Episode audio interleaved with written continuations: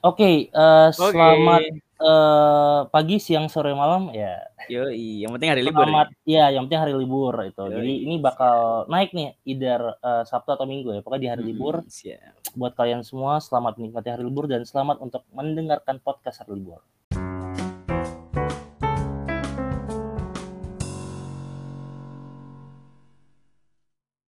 Yoi, selamat datang di, eee, mingguan bersama kita, yaitu di podcast hari libur. Cek suara di dulu sini, mungkin. Cek suara dulu, cek suara. oh siap. Silakan Pak, silakan silakan. Eee, perkenalkan saya, eee, aduh, Bapak dulu deh, Bapak Bapak dulu deh. Ya, saya Sal Markano. Saya adalah, eee, Salmar Kani. Saya kira nggak nemu. Ridwan Napitupulu. Waduh, jangan dong, jangan. Aduh, saya nggak berani pakai marga-marga, Pak, takut nanti ada yang tersinggung. Waduh, iya iya iya iya, oke Oke, oke mungkin, oke. eee, kita ini dulu ya. Jadi di awal nih seperti biasa kita akan recap dulu. Nah, apa aja judul-judul yang bakal kita bahas ya. Mhm, betul, silakan. Pertama ada, eee, terkait kebakaran lapas kelas 1 di Tangerang. Lapas Tangerang. Ya, itu yang Terjadi peristiwa pertama. ya. Ya, selanjutnya. baru-baru ini banget nih. Terus yang kedua, nah ini, eee, terkait ekonomi dan ini agak cukup berat dan kasusnya udah cukup lama yaitu berat. iya, terkait kasus BLBI. Nah, mungkin nanti kalau yang belum tahu, eee, bisa dengerin terus ya sampai pembahasan kedua Ya minimal. ya. BLBI ini kasus yang kan? udah lama banget. Jadi, eee, Itu kayak tempat jual apa beli ya online kan, Pak, ya? eee, blbi.com? Iya. Iya kan? Bukan bukan. Jadi Oh, bukan ya. mungkin, eee, bahkan, eee, orang yang udah tahu mungkin udah lupa ya. Jadi kita harus recall juga ya. Apalagi Ya ya ya. ya, eee, misalnya, eee, anak atau pendengar yang baru lahir di tahun 2000-an ya, selama ini udah cukup lama. Jadi mungkin nggak terlalu tahu ya gitu ya. Nanti bakal kita Ya, bahas. siap. Ini pokoknya intinya terkait sengketa tentang perbankan lah, gitu. Ya. Ya ini kasus Sengketa besar dan yang belum selesai duit lah ya sekarang. pokoknya. Betul. Ya, Terus ketiga ada duit, Bos. betul betul. Terus yang ketiga ada ini, Pak, eee, apa, seorang artis yang sudah keluar dari, eee, penjara yang menggantikan Coki Pardede. Bursa transfer terpanas minggu Bursa lalu, Pak. transfer. Iya, betul. Ada Saiful Jamil. Nah, ini kasusnya adalah, eee, sebenarnya bukan bukan berbuat kesalahan lagi, cuma ini, eee, ada terkait glorifikasi tentang kebebasannya, Pak, dari penjara. Ya, jadi Di mana ya, persepsi masyarakat tuh, cu eee, banyak yang bilang juga nggak bisa serta-merta seperti itu gitu. Jadi harus ada Ya. beberapa adjustment dan justifikasinya, Pak, terkait kebebasannya dia. Betul Karena, betul betul. eee, apa namanya, kejahatan yang dilakukan tuh luar biasa gitu. Ya. Lanjut Selanjutnya. keempat ada wah ini masih Wah, terkait ini masih dengan terkait yang kejahatan minggu yang lalu, Bos. Tapi Yoi. ini kita akan membahas institusi yang quote unquote menjadi polisi moral terhadap, eee, ya salah satunya kasus yang tentang Saiful Jamil itu, Pak. Itu Hmm. dari KPI. Nah. Ya. Lanjut, eee, kasus ke berapa nih? Kelima. Yang Kelima. ada ah, ini dia, Pak, tentang Term, perubahan istilah. Ah, perubahan istilah dari nap ex napi koruptor menjadi penyintas. Penyintas. penyintas Oke. korupsi ya. Apakah itu layak atau bagaimana nanti kita akan Nanti dengarkan kita pendapat dari bahas kita. bersama. Dengarkan pendapat dari kita lagi. Oke, terus yang keenam ada ini, Pak, lagi heboh somasi-somasi apa ya? Ya. Eee, di mungkin kayaknya minggu lalu kita bahas ya yang somasi, Eee, belum, eee, Pak. belum ya? Pokoknya Masih belum ya. ya nanti mungkin kita eee, kaitin juga. Pokoknya ada somasi dari salah satu itu brief aja, salah satu menteri mensomasi dan ini ada somasi juga terhadap salah satu ini, Pak, eee, kalau yang misalnya di suatu acara debat politik tuh kalau nggak ada orang ini nggak asik, Pak. Ya. Nah, gitu. Karena dia biasanya selain Publik. menggunakan term yang dia ciptakan sendiri kadang ya, tapi, Ya. eee, dia emang mostly tuh Nyentrik ya. logika berpikirnya ya intriknya tuh bagus gitu dalam berdebat. Selanjutnya, ah, ini ekonomi lagi nih, Pak, eee, tentang ini mungkin masuknya ke beri berita internasional ya. Ya, berita tentang internasional pagi ini China yaitu China. China Common Prosperity ya. Ya. Apa sih China Common Prosperity? Ya, nanti kita bahas lah ya. Nanti kita bahas. Yang 8 atau yang terakhir, yaitu tentang ini, eee, kalau di part 2 podcast sebelumnya kan kita membahas tentang mural ya, Pak, ya, di Mural, mana ya itu, betul. ada quote unquote ada apa pembungkaman dari uh, kritik gitu. Nah ini ada lagi, mm -hmm. Tapi ini ya. terjadi ya. di uh, Blitar. Gitu. Blitar, Blitar, Blitar. Oh, itu. Jadi recap ini kita akan membahas tentang itu. Jadi uh, jangan lupa uh, buat kalian yang FOMO, yang fear of missing out tentang berita-berita terbaru bisa banget dengerin podcast. Bisa ini. banget. Yo. Oke, okay, lanjut aja ke berita pertama. Berita perdana. Ada ini ya dong. Kita harus bikin apa? uh, intro sendiri nanti ya. Iya. ngepick dari anchor ya. Oke, okay. yang Jadi, pertama ada kebakaran lapas kelas 1 Tangerang. Jadi yep. uh, beritanya dari kompas.com Rabu uh, tanggal 8 bulan September dini hari menjadi malam yang sangat mencekam bagi ratusan warga binaan di lapas kelas 1 Tangerang. Pasalnya, api berkobar melahap bangunan lapas, tepatnya blok C2 yang dihuni narapidana kasus narkoba. Kondisi kamar yang terkunci membuat para napi terkurung dan hanya bisa pasrah ketika si jago merah mulai menjelati tubuh mereka. Setidaknya 44 napi tewas dalam kejadian nas tersebut. Kepala Lapas Kelas 1 Tangerang, Victor Teguh Prihatono, mengungkapkan hanya ada satu petugas jaga saat itu di blok C2 yang terbakar. Nah ini Pak. Nah, uh, mungkin sebelumnya kita mau mengucapkan turut berduka, cita ya untuk uh, para korban gitu hmm, yang berada di lapas dan keluarga ya dan keluarga yang ya betul semoga diberi kekuatan gitu ya. Ya. Oke, nah ini menurut Bapak nih gimana nih tentang kebakaran lapas Tangerang ini? Ya, pertama eh tentu harus dicari tahu apa penyebab kebakarannya ya kan. Walaupun eh, memang kita mengingat ini bukan peristiwa pertama kali Pak terjadi kebakaran di lapas ya. Sempat yeah. beberapa kali terjadi kebakaran di lapas. Dan biasanya itu justru eh, menyebabkan apa ya kaburnya narapidana. Biasanya itu menyebabkan narapidana pada kabur pak. Jadi ini ya momen ya? Momen jadi momen nih. Kalau mungkin kalau istilah kerennya kalau bagi napi mungkin perspektifnya napi itu jadi blessing in disguise ya? Blessing in disguise yoi. ini emang orang-orang yang aji mumpung seperti ini jadi nggak heran ada tanggapan bahwa oh itu mah sengaja biar kabur ya, ya, jangan biar bisa kabur. Tapi kan ini pintu dikunci kan? Ya. jadi sepertinya tidak sebodoh itu. Karena dia nih kasus hmm, iya, iya. narkoba yeah. nih. Ya walaupun narkoba sih tapi kan uh, di lapas sudah tidak narkoba dong ya kan? mungkin sudah untuk berakal sehat.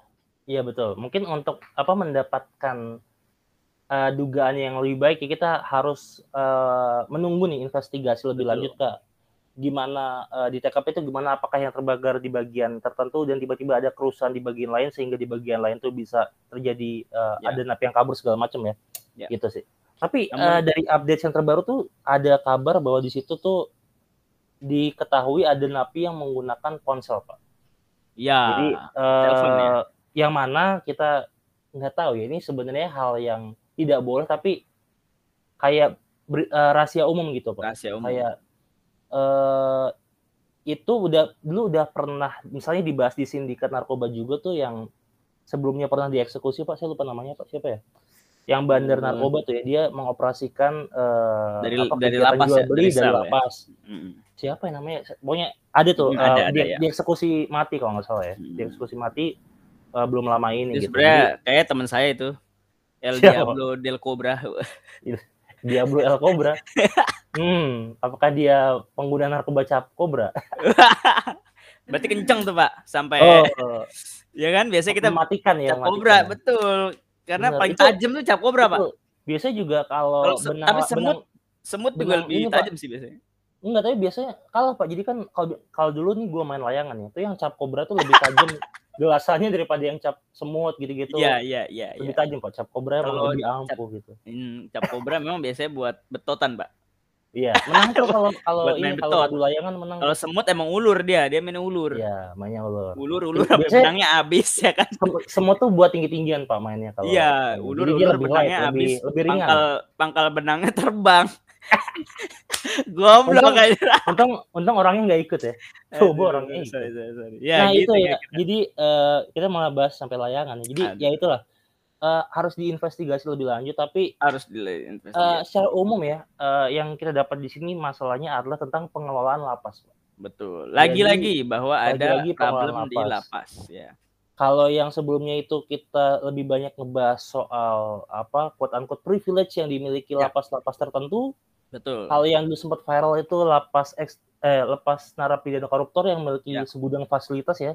Mhm. Eh, bahkan ada yang bisa kabur dengan izin-izin tertentu gitu ya dari lapas untuk makan nasi padang, untuk ke mana tersedia gitu. Nah, itu NPS 4 terus terlepas dari itu eh seluruh pengelolaannya itu harus benar-benar diawasi lagi dan harus mungkin ada beberapa part yang lebih dikontrol atau diubah peraturannya gitu. Ya, Lagi Nah, pula kan ini eh, narkoba ya, Pak ya. Betul. Nah, kalau di kalau di Hmm. lapas koruptor mungkin nggak apa-apa kayaknya. apa kebakar? Oh, enggak. Enggak, Aduh, enggak, ya, enggak, enggak, mungkin mungkin rakyat yang ya Kak, eh, tahu ya. Mungkin ya mungkin rakyat yang benar-benar terdampak dari korupsi Ya, si koruptor itu eh, bakal ini ya. Apa namanya? Bakal mungkin ada yang mendoakan saking saking ini apa? Ya. Saking keselnya gitu mungkin ya. mm, Nah, tapi terlepas dari itu, kalau yang kemarin itu tentang eh, pengawasan terkait eh, apa akses ya, kalau sekarang kan Mm-mm. jatuhnya lebih urgent pak, karena sekarang jatuhnya eh, mer- eh, terkait nyawa pak, terkait eh, keamanan ya, ya. lapas, gitu Betul, ya. betul, Pak. Betul, Pak. Kira-kira langkah apa nih yang seharusnya dilakukan? Apakah eh, menterinya harus eh, bikin apa gitu, atau dia harus mundur atau apa pak? Kalau menurut sih enggak, Ya, karena eh, apa yang harus dilakukan bahwa mungkin? yang mungkin yang yang perlu dilakukan eh ya memang kalau untuk narkoba emang eh, masalahnya kok cukup kompleks pak khusus untuk narkoba ya. Dan ju- ju- dan juga kriminalisme ya.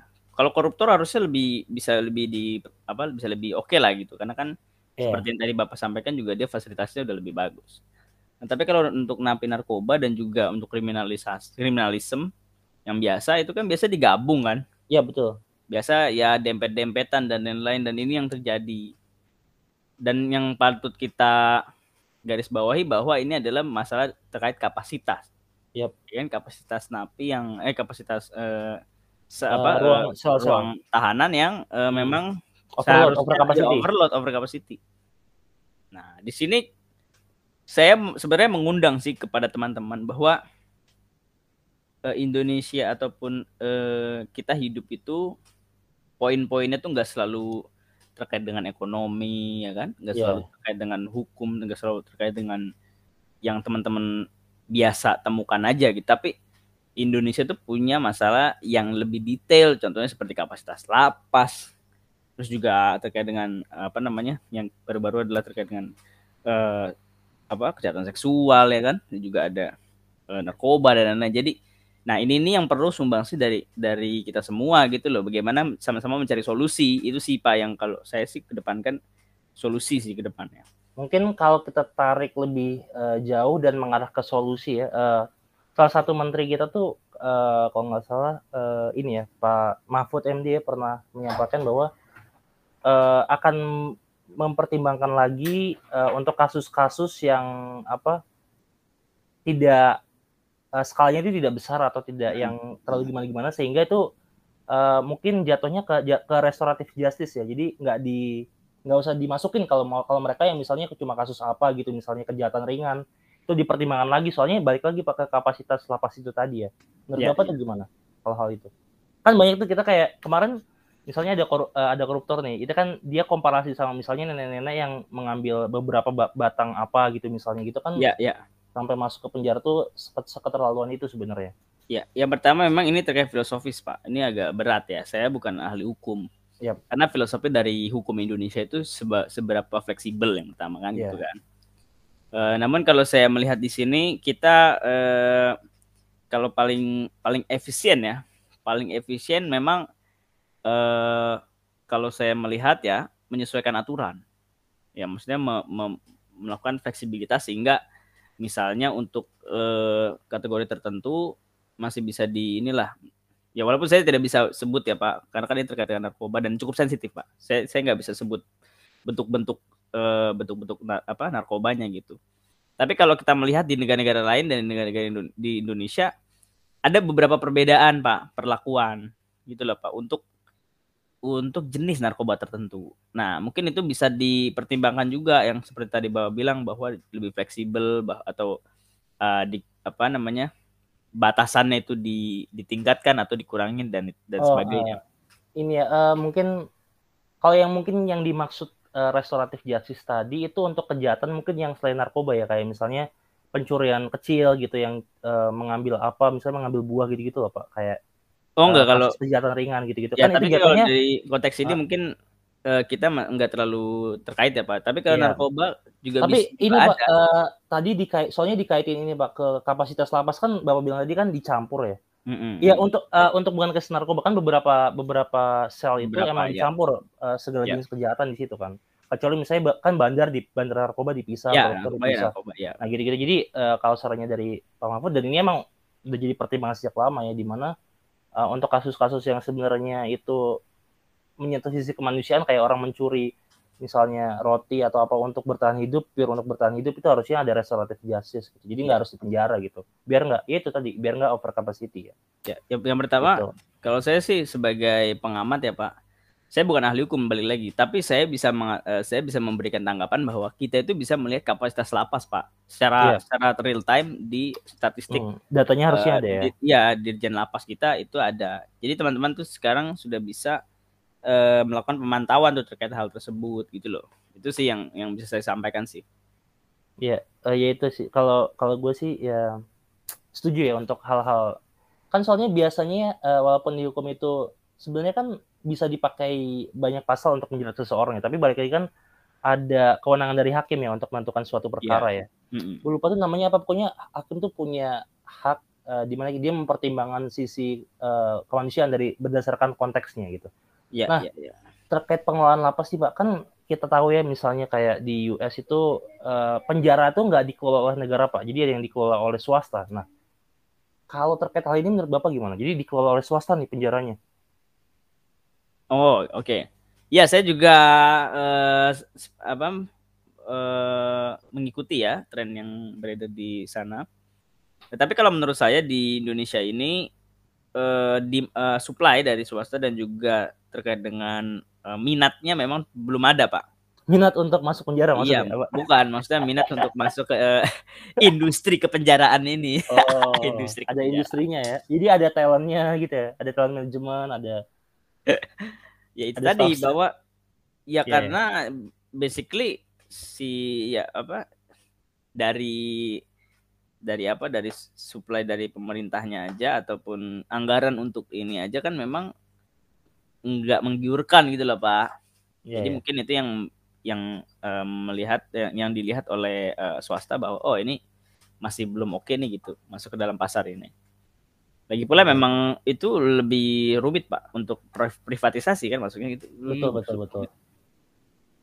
Uh, ya biasanya kan kalau misalnya dijatuh ke private ya, somehow uh, the system is getting better biasanya karena kan kalau biasa di luar negara tuh uh, apa dari kalau di dilepaskan itu ada kom kompetitif ya lebih lebih yeah. kompetitif biasanya. Yeah, yeah, yeah. Uh, tapi balik lagi untuk terkait pengelolaan dan pengawasan itu lebih rumit lagi karena kan udah uh, dipegang sama swasta gitu ya. Iya, iya. Oke. Okay.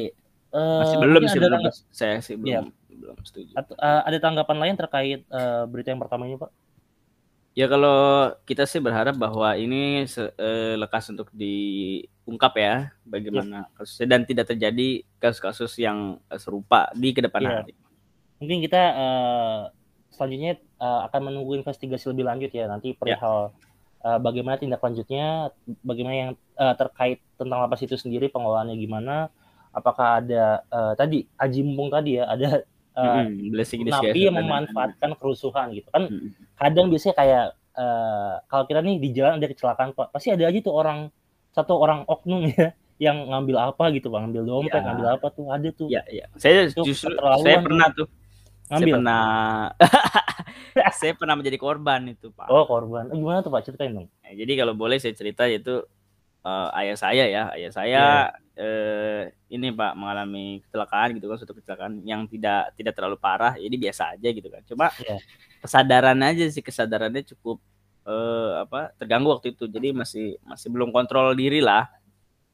Nah, jadi waktu itu saya masih di rumah Pak kondisi saya dan keluarga ada di rumah. Nah yeah. ayah saya itu ada di sekitar uh, belum jauh jadi mungkin sekitar dari satu, rumah. Iya yeah. satu atau dua kilometer lah gitu dari rumah ya. Jadi masih belum jauh lah. Cuma uh, apa namanya uh, ada orang yang memberitahukan ke rumah. Nah saat itu saya lang panik juga kan, panik. Terus habis itu uh, apa ya kira-kira prioritas? Oh ya udah kita selamatkan dulu, pokoknya gitu kan. Kita nggak ada kepikiran bahwa ah, takut ditipu atau nggak ada tuh. Karena ya, ya, wah ini orang baik dia ngasih tahu dan sebagainya. Jadi kita kita sampai ke sana, ya kita kan juga nggak tahu ya seberapa banyak isi dompet ayah saya itu kita nggak tahu dong ya kan. Iya ya. Apalagi anda kan, anda nggak tahu kan. Nggak tahu ya, tentu tidak tahu. Ya jadi Buat apa jadi, juga sebenarnya? Iya, ya? untuk apa juga? Oke, jadi kuis hari ini berapakah isi gak, dompet ayah saya? Nggak usah, nggak usah, nggak usah. Nah, jadi jadi intinya pak, intinya, uh, jadi ketika setelah diselamatkan sampai rumah gitu kan, dan alhamdulillahnya uh, tidak tidak terjadi hal yang cukup parah, tapi ya. isi dompetnya habis pak. Oh, ada jadi, tapi jadi ada kecurigaan. Gitu. Sebenarnya kecurigaan saya ketika orang yang memberitahukan ke rumah itu uh, datang, lalu saya mengikuti orang tersebut hingga sampai ke TKP. Hmm. Ketika sampai di TKP, orang tersebut langsung kabur. Jadi oh. dia bilang, oh. iya, oh saya ada urusan ini gitu. Ya, saya curiganya okay. di situ. Oke, ya. kita udah terhubung sama bapaknya Faisal nih untuk mengklarifikasi berapa jumlah dompet ya. Iya, silakan, silakan. Enggak ya, enggak, enggak. Oke, uh, oke itu ya. Jadi, nah itu orang-orang yang aji mumpung gitu ya, yang ya. terlalu Sebenarnya itu ya, moral terlalu, moralnya jauh jatuh sih.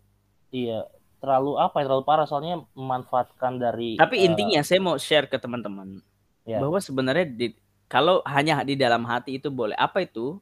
Itu adalah kecurigaan. Iya, iya. Kecurigaan betul. itu boleh. Jadi prepare for the worst in every situation. Semoga tapi tidak terjadi ya. Semoga tidak terjadi dan kita harus tetap positive thinking iya.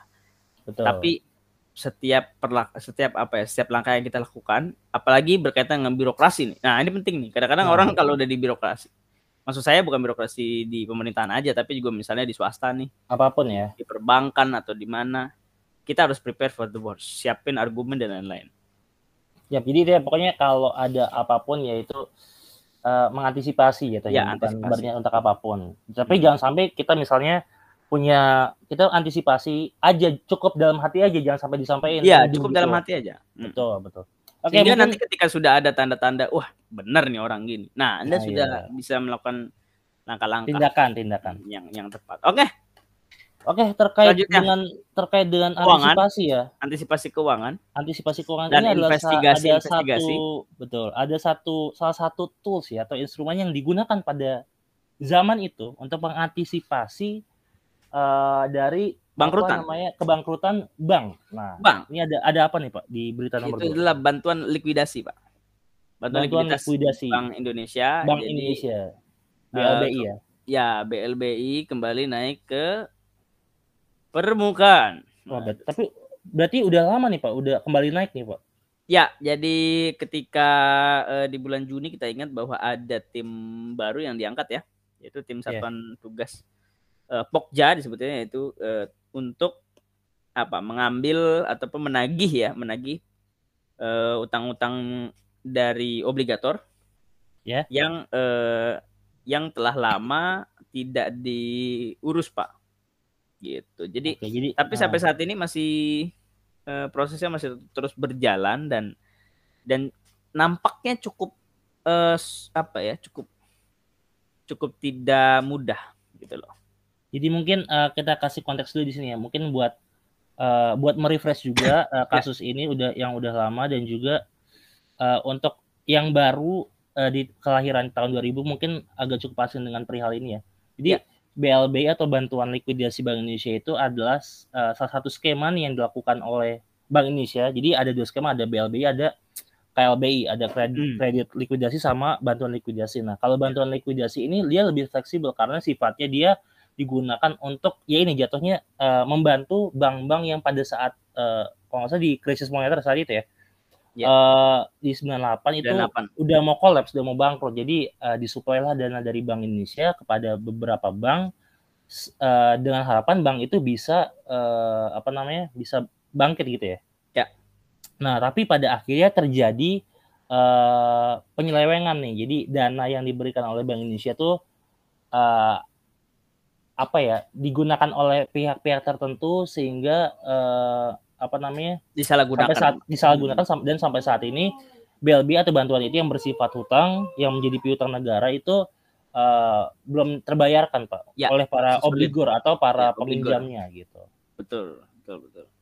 Ya, poinnya di sini adalah kita telah pada dasarnya kita telah beberapa kali ya membentuk tim satgas obligasi ya tim satgas BLBI. Namun memang nampaknya masih belum berhasil hingga saat ini, Pak. Rupa-rupanya masih belum berhasil ya. Iya.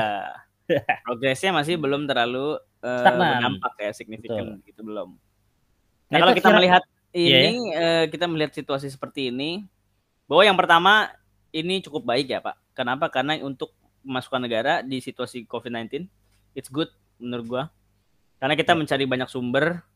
Namun uh, perlu di apa ya perlu digarisbawahi bahwa tidak mudah tadi yang sudah saya, saya katakan ya bahwa dia juga memiliki uh, banyak celah-celah yang bisa i, uh, dimanfaatkan kan yeah. dalam hukum untuk untuk uh, tidak membayar hal tersebut. Tapi yang unik ini pada dasarnya kalau secara kasar ya Pak, berarti ini adalah orang ngutang. Tapi ditagihnya susah gitu ya Pak?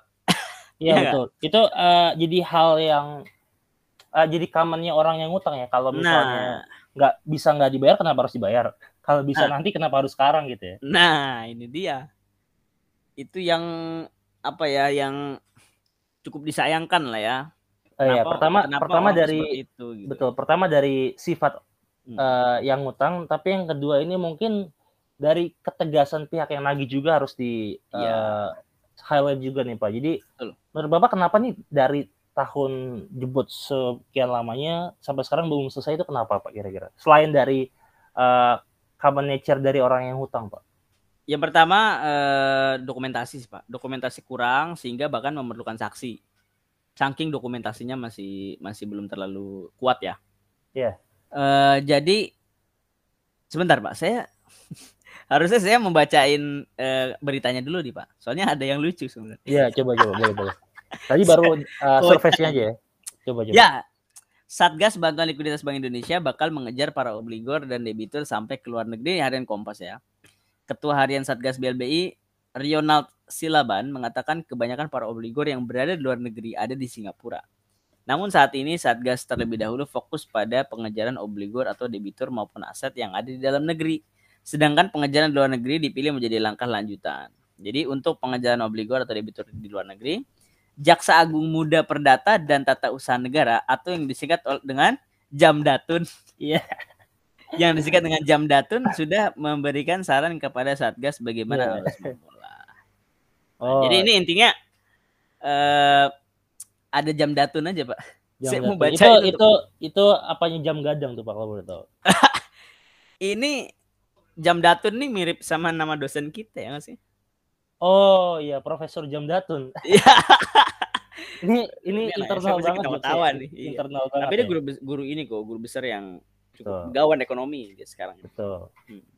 Iya ini uh, kita nggak ngertawain jabatannya cuma sih katanya cukup iya. lucu ya jam lucu nih jam datun ini cukup lucu ya. Nah, satu iya. kata ini satu kata lucu nih pak, satu kata satu lucu kata, jam satu kata, boleh lah, boleh, boleh, boleh. Nah, ya. balik lagi nih, balik lagi. Tadi terkait dengan kenapa sulit ya pak untuk di ya karena yang pertama tadi dokumentasi, yang kedua ini perusahaan sudah uh, berbagai bentuk. Hmm. Uh, maksudnya adalah uh, sudah ada yang merger, ada yang ada yang setelah merger dia uh, apa? Uh, setelah merger terus nggak pernah dikejar-kejar ya kan, di aja. Dia membentuk usaha baru, anak usaha dan lain-lain. Jadi uh, banyak perkembangan yang seharusnya harus terus dipantau, Pak. Jadi over the time tuh dari sejak dilakukan peminjaman harusnya terus dipantau tapi kita miss di beberapa uh, apa ya masa jabatan presiden gitu ya di yang sebelum-sebelumnya. Jadi jadi dari miss tersebut ya kita harus mengejar ketertinggalan cukup dalam gitu loh Pak. Intinya kalau kayak apa ya? Kayak orang nih mau ujian semester tapi dia nggak masuk kayak dua minggu tiga pertemuan atau gimana nah ya, itu kan harus benar-benar usahanya keras kan ya nanya temen nah ini kalau dalam ini nanya saksi gitu dong atau ya, misalnya, apalagi ya kan? uh, ya jatuhnya kan ada uh, saksi hidup ya jadi ya. semakin lama suatu kasus itu diusut akan semakin sulit juga uh, keterangan-keterangan yang udah Dan, terlampau lama gitu untuk diinvestigasi menurut saya sih begini pak we kita jadi kita ini cukup apa ya uh, kita yang saya sudah saya sampaikan tadi bahwa uh, cukup uh, loss ya bisa dibilang bahwa tidak uh, tidak ditindaklanjut untuk beberapa periode yang sebelum-sebelumnya. Yeah. tapi justru obligore ini mempersiapkan. Di waktu-waktu nah. tersebut mereka mempersiapkan gitu loh. Ya kan? Untuk untuk? Untuk apa? Untuk antisipasi ketika nah, nanti suatu saat nanti ditagih. iya. Itulah ini yang mungkin, jadi menarik. mungkin yang ini ya mungkin yang lebih common di masyarakat itu pakai analogi nih pak. Jadi misalnya ada koruptor pak uh, semakin lama uh, jeda penangkapannya dia mungkin dari SK atau emang dari uh, dia terbuktinya jadi apa jadi tersangka gitu dia akan semak, semakin lama dia ditangkap itu semakin dia punya waktu untuk punya waktu menghilangkan berkas untuk menghilangkan mensabotase hal-hal yang dia butuhkan ya. untuk memperingan dia atau membebaskan dia jadi mungkin ya. uh, kurang lebih kayak gitu ya analoginya jadi semakin ya, lama betul. tuh selain saksi-saksinya mungkin uh, ada yang hilang atau apa tapi berkas-berkas tuh uh, bisa disembunyikan atau apa pun yang terkait bukti ya betul pak betul jadi apalagi ini sudah ada juga yang berkaitan dengan luar negeri. Wah, ini lebih rumit lagi nih. Betul. Jadi biasanya ya mereka eh, ini dong minta bantuan otoritas sana untuk eh, apa meng mengalihkan kekayaan kan? Nah, iya. Nah, nanti kalau udah kan... sampai ke sana ya kan, nah, itu udah lebih rumit lah istilahnya. Kenapa? Oleh sebab itu kenapa ngambilan di dalam negeri dulu kan kita loh, itu yang sangat terlihat sih sebenarnya. Iya. Itu udah jadi apa ya? Hmm uh, jadi masalah yang emang terus-terusan sulit di atas sih kalau ya, misalnya yang menarik justru saya ada di luar ya yang menurut, menurut saya menarik biasanya tuh uh, bad guys are cooperate pak with with one another nah, we don't gitu loh we don't we don't yes. kita enggak gitu loh kita antar rezim kita punya masalah dan lain-lain ya enggak kita enggak yes, yes, yes. harusnya sih uh. kita kita cooperate nah mereka mereka ini ya kan kemungkinan mereka cooperate nih one another nah. gitu kan sehingga sulit nih dan kuat satu sama lain iya betul karena ya mengingat uh, apa ini cukup ini ya cukup uh, kalau uh, berdasarkan kasus Bank Senturi ya Pak salah satu mm -hmm. uh, yang terkena bailout juga itu ada indikasi di mana emang itu orang-orang yang terlibat itu mereka yeah. iya uh, bekerja sama untuk mm -hmm. uh, menutupi kasus ini atau apa pun. Betul. Jadi betul. Ya baik lagi mungkin kalau uh, terlepas dari itu ya uh, orang emang kamanaturnya orang-orang tuh kalau ditagih itu sulit dan juga atau dari negara itu kurang tegas tapi ketika orang-orang ini bersatu kan orang-orang ini tuh adalah orang-orang besar juga pak jadi ya ketika hmm. orang-orang hmm. besar ini bersatu mereka juga punya power lebih lebih untuk kuat against against state gitu untuk melawan ya. uh, uh, hal yang dikejar oleh negara pada saat ini. Ya, mungkin betul. itu sih. Tapi kalau menurut Bapak ya kenapa akhir pada akhir ini kasus BLB ini kembali bangkit? Apakah ya. momentum politik atau emang di setiap periode uh, ke presiden itu pasti akan muncul, Pak? Menurut saya yang pertama ini situasi Covid. Jadi mencari penerima negara uh, salah satu ya, salah satu cara untuk mencari penerima negara, ya kan? Yang kedua, uh, kita juga bisa melihat bahwa mungkin saja ada bukti-bukti baru yang ditemukan gitu loh. Ada bukti-bukti yang yang dengan tanda kutip eh, mengharuskan mereka untuk bergerak gitu loh pak. Atau justru sebaliknya dirasa-rasa bahwa wah situasi semakin worse nih semakin lebih buruk. Kalau tidak ditindaklanjuti akan semakin lebih buruk lagi gitu loh pak jadi menurut saya ada tiga kemungkinan dalam hal ini gitu oke okay. uh, eh, Iya sih, uh, tapi misalnya misalnya kasus ini tuh kalau dari kalau dari informasi yang ada tuh harusnya uh, tenggat waktu dari atau temponya ini yang di, harus kapan bayarnya nih Pak para obligornya ini? Atau kapan harus diselesaikan juga oleh Satgas yang terbaru? Ya, uh, untuk Satgas memang di ditargetin selesai di 2023. Ya, jadi ditargetkan menyelesaikan ya. tugasnya di 2023. Itu kira-kira kenapa 2023? Itu kan dekat 2024 ya, Pak? Kenapa? ya, ketika Apakah kebetulan aja atau ya, ya itu bisa jadi yang pertama mungkin kita ini ya, kita itu ber kalau kita ber apa ya, berpositif thinking lah ya. Karena yeah. memang dia butuh waktu lah yang pertama. Betul, betul. Ketika dia butuh berapa? Dua tahun, It's tiga tahun. easy ya. It's not that easy yang pertama. Satu dua tahun, dua tahun lah ya. 2021 dia 2022 2023 dua tahun lah.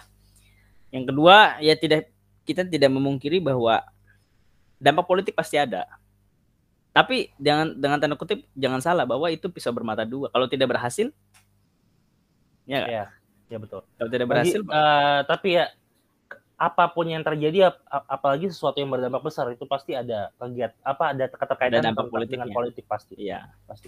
Uh, kedua, sebenarnya harus bayarnya kapan sih? Pak kan biasanya utang tuh ada jatuh tempo, Pak. Iya. Kapan betul. sih? Uh, memang untuk BLBI ini yang yang tadi sudah saya sampaikan bahwa mereka itu sudah uh, untuk untuk detailnya mungkin lebih di, apa tidak semudah itu ya saya mengucapkan bahwa oh ini maturity-nya tanggal uh, bulan ini tahun ini tidak semudah itu bahwa mereka punya diversifikasi atau punya produknya masing-masing kan produk pinjamannya yeah. masing-masing. Jadi memang tidak tidak sesimpel tapi yang bisa saya sampaikan adalah uh, mereka itu sudah bukan apa ya sudah berubah bentuk usaha. Hmm. oleh sebab itu Indonesia ataupun kita ini melikuidasi ataupun menyita aset-aset yang mereka punya gitu loh. Karena mereka kan sudah likuidasi. Jadi jadi beberapa memang uh, tidak tidak sama gitu loh Pak bentuk bisnisnya ketika di tahun 98 ketika diberikan bantuan. Jadi mungkin ini Pak uh, untuk ini untuk berapa dengar ya. Misalnya nih uh, ada bank misalnya dia kan pada saat itu mau bangkrut ya. Mm-hmm. Jadi Bank Indonesia itu ngasih dana ke dia. Nah, kemudian dana itu diapakan, Pak? Uh, seharusnya oleh bank itu. Seharusnya menjadi ini, Pak. Namanya juga likuidasi itu adalah uh, likuiditas. Itu adalah uh, apa ya bisa disebut darahnya mereka Yeah. Kalau kalau kita secara mudah dimengerti ya, bahwa kita uh, bisnis itu harus punya cash flow kan, harus punya growth dan juga itu cash flow tadi terkait dengan likuiditas tadi. Nah, itulah yang uh, yang mereka punya. Selain itu memang macam-macam Pak, ada memang yang harus uh, membayarkan uh, apa ya, mena menanggung hutang nasabah ya, karena memang nah. tidak terbayarkan di tahun 98. Dan juga yeah. ada beberapa proyek yang memang harus di uh, diambil alih itu tadi. Jadi memang cukup tidak tidak tidak ini ya tidak simpel yang bisa kita katakan. Tapi intinya adalah tadi bahwa eh, namanya juga likuiditas bantuan likuiditas. Sehingga yep. itu terkait dengan apa ya cash. Terkait dengan hmm, apa ya bisa disebut sebagai darah yang tadi darah betul betul. Jadi mungkin ini buat konteks saja buat para pendengar ya. Jadi yeah. bantuan ini tuh bisa digunakan uh, garis besarnya itu ada dua ya hmm. ada sebagai pengganti dana nasabah atau sebagai sebuah apa uh, penalangan sebuah proyek yang ingin yang sudah atau sedang dijalankan ya. Jadi uh, biasanya tuh uh, apa skema yang terjadi itu yang ada penyalahgunaan tuh biasanya terjadi pada uh, skema proyek yang dijalankan ya Pak. Jadi uh, ada bantuan terus ada uh, sebuah ya, proyek, ya. nah proyek itu disalahgunakan dananya Pak. Dan ya. sampai sekarang itu belum dibayar gitu. Jadi ya memang buat konteks uh, memang dari memang beberapa kasus memang cukup un, cukup menarik ya. Seperti kayak pinjaman nasabah tapi sebenarnya itu fiktif gitu loh Pak. Nah, jadi iya, hanya, hmm. jadi memang bukan bukan hanya proyek tapi intinya adalah di sini terjadi banyak apa ya problem dan juga banyak yep. hal yang oleh sebab itu mem, negara memberi kerugian hingga sekarang saat ini yang masih masih belum tertagih ada 110 triliun Pak atau 7 hmm, yeah. sekitar 7 miliar dolar. Betul betul. Jadi Iya itu jadi benar. Jadi sebagian besar itu dari proyek, tapi ada juga yang dari itu nasabah ya. fiktif ya. Sehingga hmm. sebenarnya itu nggak perlu dibayarkan gitu. Hmm, ya, ya. Cuma tipu daya aja. Jadi tipu daya. semakin banyak yang diambil dana dari uh, bantuan itu, tapi pada akhirnya realisasinya itu ternyata fiktif. Oke. Okay. Iya. Mungkin itu ya untuk BLBI atau ada tambahan yang ingin disampaikan, Pak? Ya, yang ingin disampaikan tentu ini bukan nominal yang sedikit ya kan. Tuh. Dan ini kalau ini berhasil ini akan menjadi catatan sejarah bahwa uh, sebuah peristiwa korporasi yang bisa disebut fraud tapi negara berhasil menyelamatkan gitu loh Pak. Harusnya oh. ya kalau misalnya berhasil nih, tapi kalau tidak ya tidak ada achievement sama sekali gitu loh. Mesti ya ini ya uh, we hope uh, state bisa menyelesaikan masalah ini ya karena ya. Uh, agak ironis aja ketika kita itu harus berhutang untuk penanganan pandemi misalnya dalam konteks ini tapi uh, kita punya piutang yang harus ditagih dari orang tapi nggak kita tagih padahal orangnya itu di dekat kita gitu kan karena ya, ya. itu uh, obligornya itu adalah orang-orang yang kita tahu lah well known mereka gitu istilahnya. dan gini loh pak uh, saya mau bilang bahwa kadang-kadang maling ya hmm. maling itu kan orang kan melihatnya apa ya Undang. rendah ya, ya.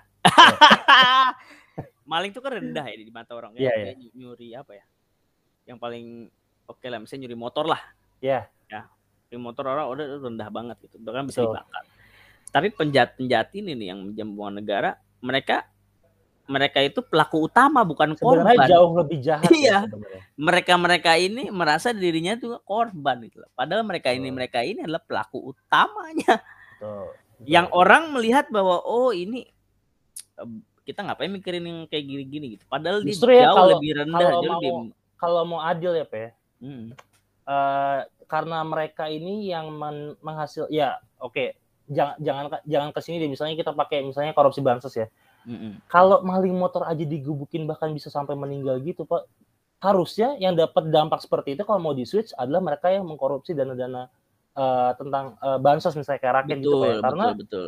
ya dampak seorang pencuri motor hanya ya bukan bukan ini menyepelekan ya. Dampaknya yeah. itu terhadap individu dan keluarga Korban. itu kan. Ya, Tapi kalau misalnya korupsi itu dampaknya ribu wah ratusan uh, jutaan, jutaan ini Pak ke, uh, jutaan, apa, Pak. rumah tangga gitu uh, orang keluarga miskin. Iya. individu ada, macam ada 64 juta jadi kalau mau misalnya miskin. kita bikin rule of the game-nya sama misalnya uh, dia nyuri misalnya nominalnya satu juta atau dia berdampak pada satu orang dia dicambuk satu kali kalau misalnya dia zolim terhadap 270 juta nah. rakyat Indonesia dicambuk 270 juta kali ya, jadi harus adil gitu jangan ya, ya terlepas dari masyarakat yang main hakim ya harusnya dibuat adil juga gitu. Oke, ya, mungkin betul, betul, betul. Uh, itu ya terkait ya, BLBI ya. Itulah terkait BLBI. Mungkin kita nanti mungkin kalau ada lanjutan ada update kita lanjut kita update lagi ya. Ya, betul. Siap. Nah, selanjutnya kita ah gimana nih bridgingnya Pak? Saya belum nemu. Saya akan bridging. Coba, saya coba, ini coba. ahli bridging ya kan sarjana bridging. Sama Kano sarjana bridging. Sarjana bridging. bridging. Apa coba coba? Jadi yang pertama di sini itu huh? tadi sudah dikatakan bahwa sambil uh, mikir ya. Satgas itu 2023 kan? Betul. Tapi kalau dia berhasil maka akan akan sangat glory, Pak. Ya. Glory. Kemenangan, ada kemenangan, ada kemenangan. Betul. Nah, ngomong-ngomong kemenangan. Nah, nah yoi ya. Yoi ya. Yoi ya. Bagus cukup cukup singkat ya. Ada kasus-kasus kemenangan yang ya. tapi justru tidak ditanggapi dengan positif ya, oleh masyarakat. Dengan positif ya. Nah, itu adalah glorifikasi Saiful Jamil di stasiun TV. Gitu, Pak. Jadi um, ya berdasarkan um, berita dari Republika, ya. bahwa psikolog klinis forensik yaitu Cassandra Putranto menganggap glorifikasi terhadap mantan narapidana kasus pelecehan seksual terhadap anak di bawah umur Saiful Jamil itu berlebihan. Jadi bahkan juga bisa menimbulkan retraumatisasi kepada korban ataupun yep. uh, trauma yang kembali terjadi gitu ya. Yeah. Selebrasi dan glorifikasi berlebihan terhadap mantan napi adalah tidak tepat karena berpotensi menimbulkan retraumatisasi tadi pada korban tidak hanya pada korban langsung tapi juga beberapa apa korban-korban lain yang Betul. yang setipe gitu kan. Itulah Betul. yang dikatakan. Ya uh, ini ya jadi apa ya kalau misalnya kita melihat dari perspektif korban ini adalah salah satu yang ironis sih pak karena ya baik lagi. Ada ini adalah salah satu kejahatan yang luar biasa pak. Kenapa? Ya. Karena kejahatan ini dilakukan sekali dan dia terbukti loh itu, di peradilan kan? Betul, jadi betul. tidak no doubt lah bagi teman-teman sekali pada saat itu tapi dampaknya itu seumur hidup pak. Nah ini ini ini sama kayak korupsi juga pak. Jadi kayak misalnya dia uh, bisa berdampak panjang juga. Misalnya orang tidak bisa makan pada saat itu karena dia terhambat segala macam pada akhirnya dia ke ke, ke depan-depannya itu misalnya kekurangan gizi dan segala macam. Ini hampir yeah. sama juga seperti yeah. jadi ini dikategorikan kejahatan yang luar biasa juga. Nah karena sebegitu luar biasanya kejahatan ini sehingga kalau misalnya dia let's say ini kan jatuhnya baru keluar ya itu ada glorifikasi atau dia diagung-agungkan kepulangannya seolah-olah itu ke, uh, apa ke, lepasnya dia dari sel itu sangat dinanti-nanti oleh uh, masyarakat itu yang menjadi masalah pak. Ya, terlalu jadi, cepat dan terlalu wah gitu uh, seperti tidak apa ya tidak seharusnya dilakukan atau tidak tepat ya pak baik sebenarnya yeah. saya menurut saya publik itu tidak tidak glorifikasi pak yang glorifikasi adalah tadi stasiun stasiunnya iya betul nah, pertanyaan saya Enggak sih, saya memahami sih pada awalnya. Kenapa? Karena ya. memang sosoknya ini memang sosok uh, yang dikenal di uh, industri dangdut ya, Pak. Yang nah. cukup dikenal. Dan dulu memang dia punya glory. Betul. Uh, apa namanya? Uh, di masa lalu. Cuma uh, karena tercoreng dengan kasus yang ia alami dan juga sudah terbukti di pengadilan dan juga ada kasus tambahan itu menyuap. Wah, itu yep. lebih parah lagi. Nah, ya. Yang Jadi, saya heran uh, di sini, ya. yang saya heran uh, apa ya? Kenapa seberapa apa ya? Seberapa seberapa berpengaruhnya ke sosok ini sebenarnya saya males juga. Terhadap apa? Terhadap apa? Terhadap uh, entertain lah minimal nggak usah oh. kepada Indonesia entertainnya aja dah gitu betul, betul. kayaknya orangnya mungkin, juga uh, tidak terlalu entertain orangnya biasa ini ya kalau menurut saya kalau menurut saya uh, mungkin bapak kurang nonton dangdut akademi pak oh, mungkin ya mungkin Jadi, mungkin uh, ya ini kalau mau kita tarik agak jauh ya Ya. Share TV itu kan uh, didominasi oleh channel-channel uh, yang udah uh, lama ya, yang punya coverage luas. Ya. Establish salah satunya itu yang mengadakan acara dangdut itu. Nah, uh, kalau dilihat dari data ya pasti dia signifikan pak karena dia sering muncul ya secara terus menerus dan uh, biasanya uh, di daerah uh, rural atau pedesaan itu nggak punya akses uh, yang banyak channelnya. Kalau kita di perkotaan kan ada akses YouTube segala macam ya, Netflix biasanya. Tapi kalau di daerah tuh ya udah channel TV-nya itu itu aja biasanya. Nah, ya. kalau misalnya dilihat dari perspektif stasiun TV ya pak ya, uh, maupun itu dia terkenal atau enggak, tapi sekarang kasus apa kebebasan dia itu jadi sekarang uh, tertuju jadi pandangan publik pak. Ya, jadi ya. kalau prinsipnya di marketing itu uh, channel TV atau med, uh, uh, sarana media itu nggak peduli tentang stigmanya, nggak peduli tentang, tentang persepsinya. Mereka hanya peduli kepada seberapa banyak mata yang melihat mereka sekarang, pak. Ya, Jadi ya, ya. terlepas itu kabar negatif, positif, uh, seberapa negatifnya itu mereka akan tetap tayangkan karena that the time when the people uh, see them gitu. Ketika yeah. mereka melihat tertuju pada media itu mau itu baik atau buruk. Masalah itu uh, baik buruknya belakangan. Bah, bahkan kenapa misalnya berita itu kebanyakannya negatif karena kan kebanyakan orang tuh lebih suka berita Maunya negatif. Itu ya? Nah, karena ya itu lebih jadi trigger gitu orang-orang yeah. untuk nonton atau jadi clickbait. Ya. Sebenarnya yeah. itu sih kenapa stasiun TV tetap berani ya karena mereka melihat dari uh, shares-nya Pak. Jadi kan uh, adanya built-in atau misalnya ada sponsor segala macam kan dihitungnya dari seberapa banyak yang melihat uh, iklan itu kan. Kalau dalam konteks yeah. berarti seberapa banyak TV, uh, mata yang tertuju pada stasiun TV itu gitu. Nah, kalau saya boleh berpendapat sebenarnya kasus ini ini menjadi pelajaran untuk bangsa Indonesia bahwa uh, untuk kejahatan seksual itu sangat berat, Pak. Uh, yeah. berdampak sangat berat dan publik pun sepakat terkait hal itu ya. Jadi Betul. tadi yang Bapak bilang bahwa stasiun TV tidak memperhitungkan ya kan e, bagaimana reaksi dari publik, tapi intinya publik sepakat bahwa ini tidak baik gitu kan. Nah, jadi perlu digaris bawahi bahwa e, kita itu harus berhati-hati dan juga menjaga diri supaya tidak terkait dengan kasus-kasus seperti ini gitu loh. Nah, ya kalau kita melihat Pak, e, ini merupakan seorang public figure gitu Pak ya. Yang pertama tidak ada justifikasi uh, dia seorang public figure terhadap kasus yang ia lakukan ya. Intinya intinya adalah dia telah melakukan hal yang tidak bermoral dan telah dibuktikan oleh pengadilan. Betul, siapa pun ya. Ya, siapa pun, apa pun profesinya, ya kalau sudah Anda sudah terbukti di pengadilan, ya ini berarti Anda tidak memang tidak bermoral dan tidak patut untuk di, di dicontoh dan sebagainya. Tapi ini intinya yang saya mau sampaikan adalah perbincangan ini pada dasarnya hampir mirip seperti perbincangan-perbincangan kita yang sebelumnya Pak bahwa apakah hmm. karya itu bisa dinikmati tanpa melihat kondisi apa yang ia lakukan ya kan? Ah, iya, iya. Nah, oke, okay. sekarang berarti nah, ada argumentasi yang cukup kuat. Betul, Ada argumentasi yang cukup kuat bahwa uh, orang ini selain memang karyanya sepertinya tidak terlalu oke. Okay, Iya. sehingga tidak menjustifikasi apa yang ia lakukan kayaknya gitu ya kan?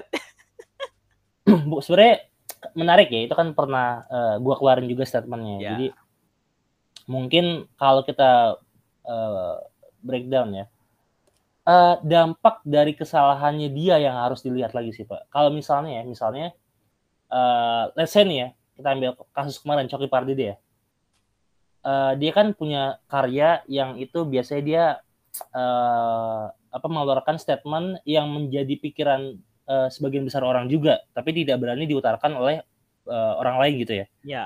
Sementara kasusnya adalah kalau kita lihat dia adalah narkoba, di mana kasus itu bahkan kalau dalam konteks ini dia bukan bandar dan dia tuh disebut sebagai penyintas atau korban. Ya, Dan ya. pun dia melakukan kejahatan tersebut, kejahatan itu hanya berdampak pada dirinya sendiri, Pak. Oke? Okay? Itu poin pertama. Poin kedua, yang membedakan yaitu balik lagi ke poin satu di mana saya uh, artis yang sekarang ini saya Jamil itu dampak dari kejahatannya dia itu nggak beda sama yang tadi. Ini berlaku kepada orang lain dan orang-orang yang merasakan hal tersebut, Pak. Nah, oleh nah itu, itu sama kayak korupsi. Jadi berarti kita harus dampaknya kita ada garis ada ada ada harus ada bat, uh, harus ada uh, pembedanya, harus ada garis ya. ya Sampai garisnya. mana cakupan uh, dampak dari kejahatan yang dilakukan ya. Kalau misalnya terbatas di diri sendiri atau uh, dampaknya itu harus ada range ya, Mbak. Semakin kecil ya. dampaknya atau ke diri sendiri itu semakin uh, apa dengan catatan tapi ya dengan catatan ya. konteksnya itu beda jadi ya. kalau melihat karya bedakan sama ini lihat juga pun karyanya bagus tapi dampaknya uh, buruk bagi buruk, banyak orang ya berarti kan jatuhnya dia punya benefit yang banyak terhadap seseorang tapi dia berdampak pada seseorang ya jelek juga contohnya kalau misalnya kita mau uh, pakai justifikasi itu ya misalnya KDRT rumah tangga itu suami yang nampar istri juga tiap hari ngasih nafkah kan ya nggak mm -hmm, iya, sebegitu iya. pentingnya nggak tapi dia dia nampar ya ya nampar ya itu penjara. walaupun dampaknya ke satu orang tapi tetap aja pak jadi harus dilihat juga yeah. gitu so, karena itu dampaknya ke orang lain itu yeah. udah one big gap difference gitu ya kalau yeah. yang narkoba dia ke diri pribadi kalau yang ini ke orang lain nah gitu ya jadi intinya kita tidak bisa uh, yang pertama kita tidak langsung mengambil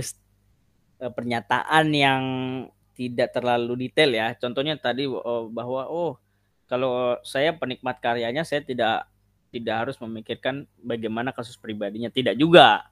Ya, well, harus lihat kasus uh, seperti well, apa itu, kan gitu kan. Itu itu pendapat ya itu kalau gue yeah. distance yang ya itu pendapat lo nggak apa-apa tapi ayo kita berargumen gitu. Iya.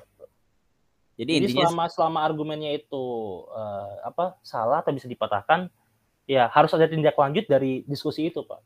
Ya, ya. Nah ya. dalam konteks ini adalah uh, eh, KPI itu akhirnya merespon ya, merespon hmm. uh, untuk tidak mengglorifikasi. Jadi uh, si Saiful Jamalnya ini cuma boleh hadir di stasiun TV itu untuk memberikan edukasi. Yang mana kita nggak tahu nih edukasinya apa ya kan? Saya juga tetap masih nggak setuju sih pak. Aduh, iya maksudnya ya. apa terlepas dari itu edukasi macam apa nih maksudnya kan? Mm Uh, agak aneh juga ya. Kecil. Ya kalau seperti yang saya mungkin sudah sampaikan sebelumnya, saya itu berpendapat bahwa uh, mungkin saja bisa dilakukan permodelan seperti halnya koruptor, yaitu adalah uh, dicabut hak. Kalau kalau koruptor kan dicabut hak politik. Nah Betul. kalau ini dicabut hak untuk entertainnya dia, maksudnya untuk uh, di TV lah minimal gitu ya. Kalau di, yeah, di yeah. platform lain mungkin ya silakan saja.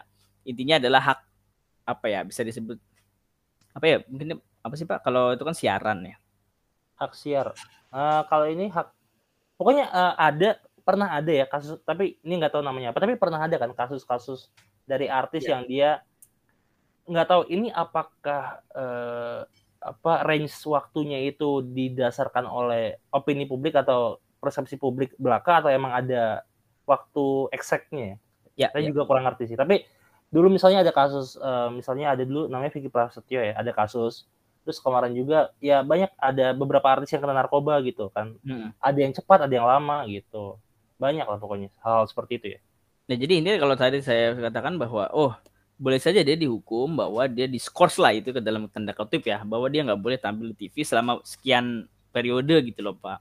Iya, iya. bisa dipertimbangkan gitu loh karena itu kita harus melihat dulu bagaimana dia uh, bagaimana prospek dia kan apakah dia betul, sudah benar-benar berubah atau tidak. Jadi mungkin eh, nggak uh, tahu ya apakah itu hukum tidak tertulis tapi mungkin ya. lebih baiknya itu ada lebih baik uh, dijadikan peraturan tertulis ya. Ya untuk kejahatan tipe ini misalnya berapa ini misalnya Dan minimal gitu. itu biasa so. dilakukan pak. Jadi kita melihat beberapa model-model uh, sanksi seperti itu. Di Indonesia pun sudah ya sudah sanksi cabut untuk uh, kasus yang ber, untuk konteks ya. yang berbeda ya? Gitu. Hmm, kalau untuk konteks yang berbeda sudah biasa. Jadi contoh di Indonesia aja deh misalnya uh, apa larangan menonton pertandingan di stadion gitu kan kalau misalnya uh, ada sang apa ada pelanggaran yang dilakukan atau misalnya supporter biasanya. Yeah. Nah, jadi maksud saya adalah itu langsung terlibat ke industri tersebut kan. Jadi apa ya? Jadi eh, jadi sangat dekat dan appropriate atau sesuai dengan yang yang harusnya dia oh, lakukan gua, dia terima. Gue ini Pak, keingetan uh, ada salah satu jokes dari ini ya, uh, Oki Rengga ya Pak ya. Kalau ada pelanggaran apa tadi itu pelanggaran dari siapa Pak? Pelanggaran dari supporter. Kalau dia Iya. ricuh akhirnya gimana? Nggak boleh nonton pertandingan. Jadi eh, misalnya ada pertandingan terus nggak ada penonton ya? Ya, bisa. Jadi oke, tapi kalau Jaksi Okiringa bilang gini Pak, ya harusnya kan jatuhnya yang dihukum eh, dari pihak eh, ini ya pengelolaan bolanya ya, termasuk para eh, apa namanya pemainnya, jadi nggak ada yang menyemangati ya. Iya, Harusnya iya, iya. hukumannya bukan gitu Pak, tapi hukumannya adalah ketika ada supporter yang rusuh mengakibatkan sebuah eh, kerusuhan, itu harusnya dihukumannya adalah penonton itu nonton pertandingan tanpa pertandingan Pak. jadi dia datang ke stadion tapi nggak nonton apa-apa. Itu kan Iya. baru hukuman untuk penonton ya. Kalau Nah, jatuhnya dia nggak nonton, ya itu dia nggak bayar tiket nggak apa, bukan hukuman. bukan hukuman. Lucu Iya. banget sih. Boleh, Tapi boleh, boleh. mungkin terakhir nih Pak ya, mungkin Unik. eh ah, ini eh, salah satu hal menarik ini mungkin terakhir ya. Jadi di mana kita tahu ya, em, kalau media, apalagi media mainstream ya, itu menggunakan pola yang sama dengan satu bentuk umum yang sering kita lihat di ekonomi atau di eh, di matematika juga Pak. Jadi ada bentuk salah satu bentuk eh, bangun yaitu segitiga. Ini yang menjadi dasar kita para ekonom biasanya Pak, ya kan? Biasanya piramida ini dipakai untuk apa kemiskinan, untuk strata, untuk populasi gitu kan Pak ya. Nah, Hmm. dalam kalau misalnya kalau kemiskinan kita tahu eh, kalau bentuknya segitiga tuh paling bawah kan dia eh, bagian yang paling lebar paling besar. Jadi semakin eh, dari bawah ke atas tuh dari yang makin miskin makin ke atas makin kaya. Jadi makin kaya tuh di ujung makin dikit kan. Ini sama konteksnya kayak kalau misalnya eh, apa masyarakat yang menonton TV jadi masyarakat yang menonton TV tuh yang banyaknya kan dari kalangan bawah pak. Hmm. balik lagi dari statement tadi ah ini masyarakat banyak yang eh, apa mengeluarkan statement-statement tidak setuju terhadap eh, apa namanya eh, pelecehan seksual yang dilakukan glorifikasi segala macam. Nah ini jadi karena di sa- satu poin di mana eh, media massa itu menggunakan apa ah membutuhkan bola pasang bola mata untuk mendapatkan sponsor segala macam. Nah di titik itu juga kita bisa gunakan untuk mematahkan atau membuat eh, med- apa TV, stasiun TV ini untuk patuh juga karena kan dia patuhnya ke mata yang tertuju kan. Iya. Jadi mengingat masyarakat kan biasanya masyarakat yang bersu- bersuara banyak mungkin berarti lapis bawah itu juga banyak yang bersuara. Jadi kit- dari selain dari pihak-pihak misalnya seperti KPI atau misalnya ada juga Pak salah satunya Angga Sasongko tuh salah satu movie maker dia misalnya akan eh, membatalkan beberapa kontrak film terhadap stasiun TV yang melakukan glorifikasi tapi dari masyarakatnya sendiri kita harus menunjukkan eh, apa aksi nyata juga Pak misalnya kita Ya. nggak nonton eh, channel yang melakukan glorifikasi tersebut Pak. Itu kan ter- terlihat nih nanti Ya. oleh eh, lembaga Betul, rating ya. Itu betul. itu jadi itu satu poin yang harus kita ingetin juga ke masyarakat. Jadi selain kalian um, menandatangani petisi membuat protes di media sosial lakukan langkah juga dengan eh, apa tidak menonton channel TV yang melakukan glorifikasi. Karena apa? Kalau kalian melakukan petisi it- itu cuma bikin eh, hal itu jadi viral jadi rame. Mm-mm. tapi selama bola mata kita menonton TV itu mereka akan terus lanjut pak Ya. jadi eh, langkah konkretnya adalah kita nggak nonton acara TV tersebut atau channel TV tersebut gitu sih poin terakhir dari gue sih Saya eh, juga boleh menambahkan eh, terakhir juga yaitu adalah sebenarnya Indonesia ini punya kekuatan Pak yang Ya. baru ya yaitu adalah eh, netizen.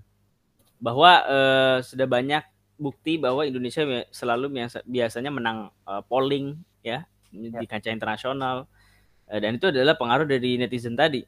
ya Nah, kalau kita gunakan untuk hal baik, bisanya biasanya untuk campaign-campaign yang baik dan dan juga sudah biasa dilakukan di Twitter gitu loh. Walaupun ada juga campaign yang tidak terlalu baik. Tapi eh, itu bisa menjadi salah satu solusi ataupun yang betul usaha yang bisa dilakukan oleh masyarakat gitu loh, menyuarakan dan lain-lain. oke jadi eh, itu ya kita berharap eh, ini bisa segera ditindaklanjuti dan mungkin nanti ada peraturan turunan yang eh, bisa mengantisipasi mengantisipasi hal eh, seperti ini ya Ya, oke oke. mungkin kita lanjut ke berita selanjutnya Terkait dengan masih masih seksual. terkait masih sama terkait dengan pelecehan seksual. Kalau tadi kita berbicara, berbicara perilaku dari pihak masyarakat, ini adalah ada pelaku yang dari pihak lembaga yang biasanya melakukan sensor di eh, penyiaran, Pak. penyiaran Betul, yaitu dari KPI, Komisi KPI. Penyiaran. Nah itu, jadi eh tadi ya, kita tahu eh, KPI itu merespon tentang glorifikasi pelecehan seksual, tapi sementara ada nih Pak hal yang ditutup-tutupi tentang pelecehan seksual juga yang di uh, di dalam yang ada di dalam internal KPI pak. Iya. Jadi uh, kita kemarin udah pernah bahas ininya belum ya atau belum ya? Eh udah ya. Jadi kan kita sempat bahas tentang uh, ada pelaku yang pernah nggak? Sudah pak, kemarin? sudah pernah. Sudah ya. Jadi ini kelanjutannya. Jadi kelanjutannya adalah uh, terduga pelaku ini dari Kompas ya terduga pelaku perundungan dan pelecehan seksual di kantor KPI pusat akan membuat laporan balik kepada korban. Ya, menurut, menurut pihak ketiga, korban telah melakukan tindakan pencemaran nama baik hingga cyberbullying. Lagi-lagi pakai UU ITE ini, Pak. ITE, ya. Ya, laporan akan dibuat karena dalam surat terbuka yang beredar, beredar dalam media sosial dimunculkan identitas terduga pelaku. Hal ini disinyalir masuk dalam pencemaran nama baik. Selain itu, terdu, uh, pihak terduga uh, mengaku dirinya dan keluarga mengalami cyberbullying.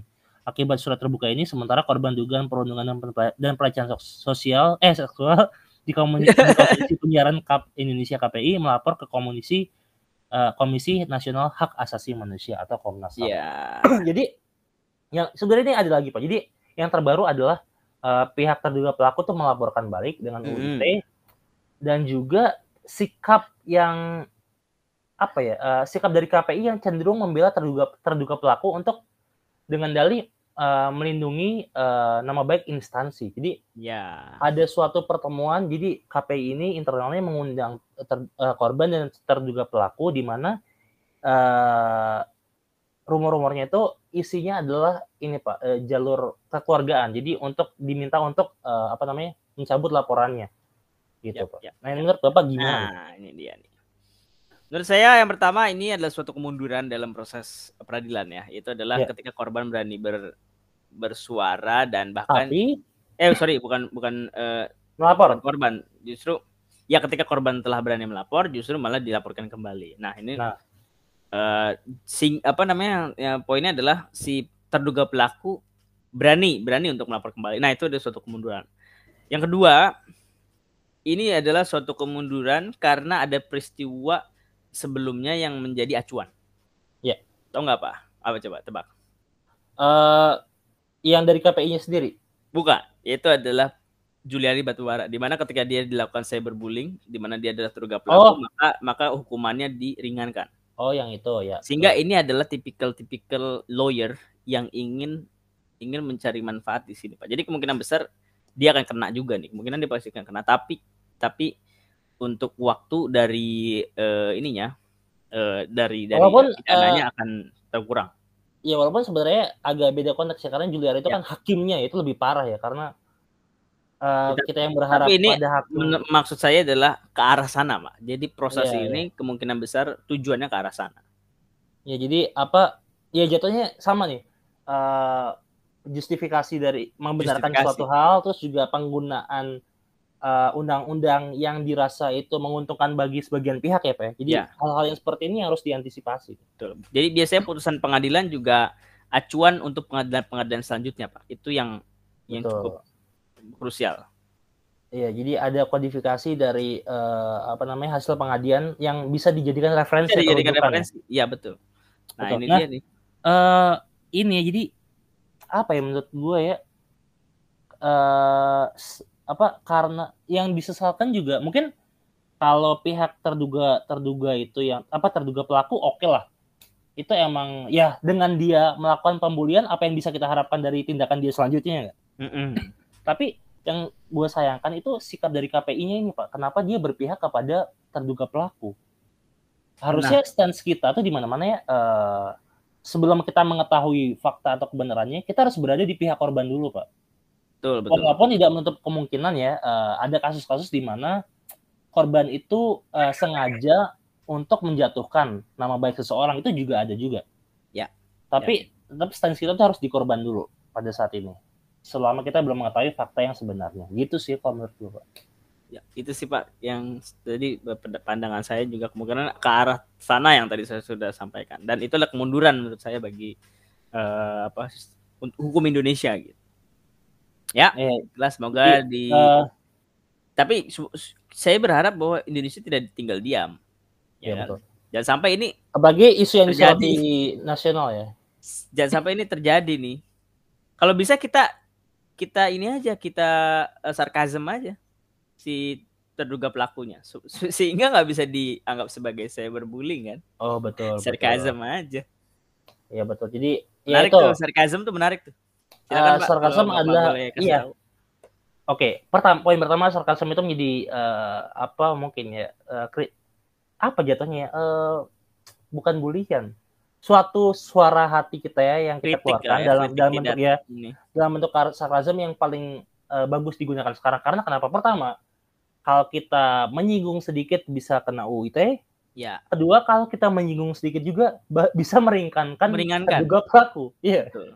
jadi ya itulah. Hingga okay, kita berharap ini uh, bisa cepat selesai bisa lebih baik lah. Ini mundur ya semoga bisa maju lagi. Terutama ya. kita mungkin harus lebih menyoroti dari pihak KPI ya karena dia sebagai instansi yang kita uh, ya sebenarnya nggak nggak nggak terlalu kita percaya sekarang ya. Karena ya itu tadi hmm. uh, dari apa dari tindakan-tindakannya sebelum ini yang dengan tentang penyensoran segala macam itu kalau dia bilang dengan dalih untuk menyelamatkan nama baik nama baik mana yang dia mau selamatkan ya soalnya ini udah buruk namanya itu dari yang ya.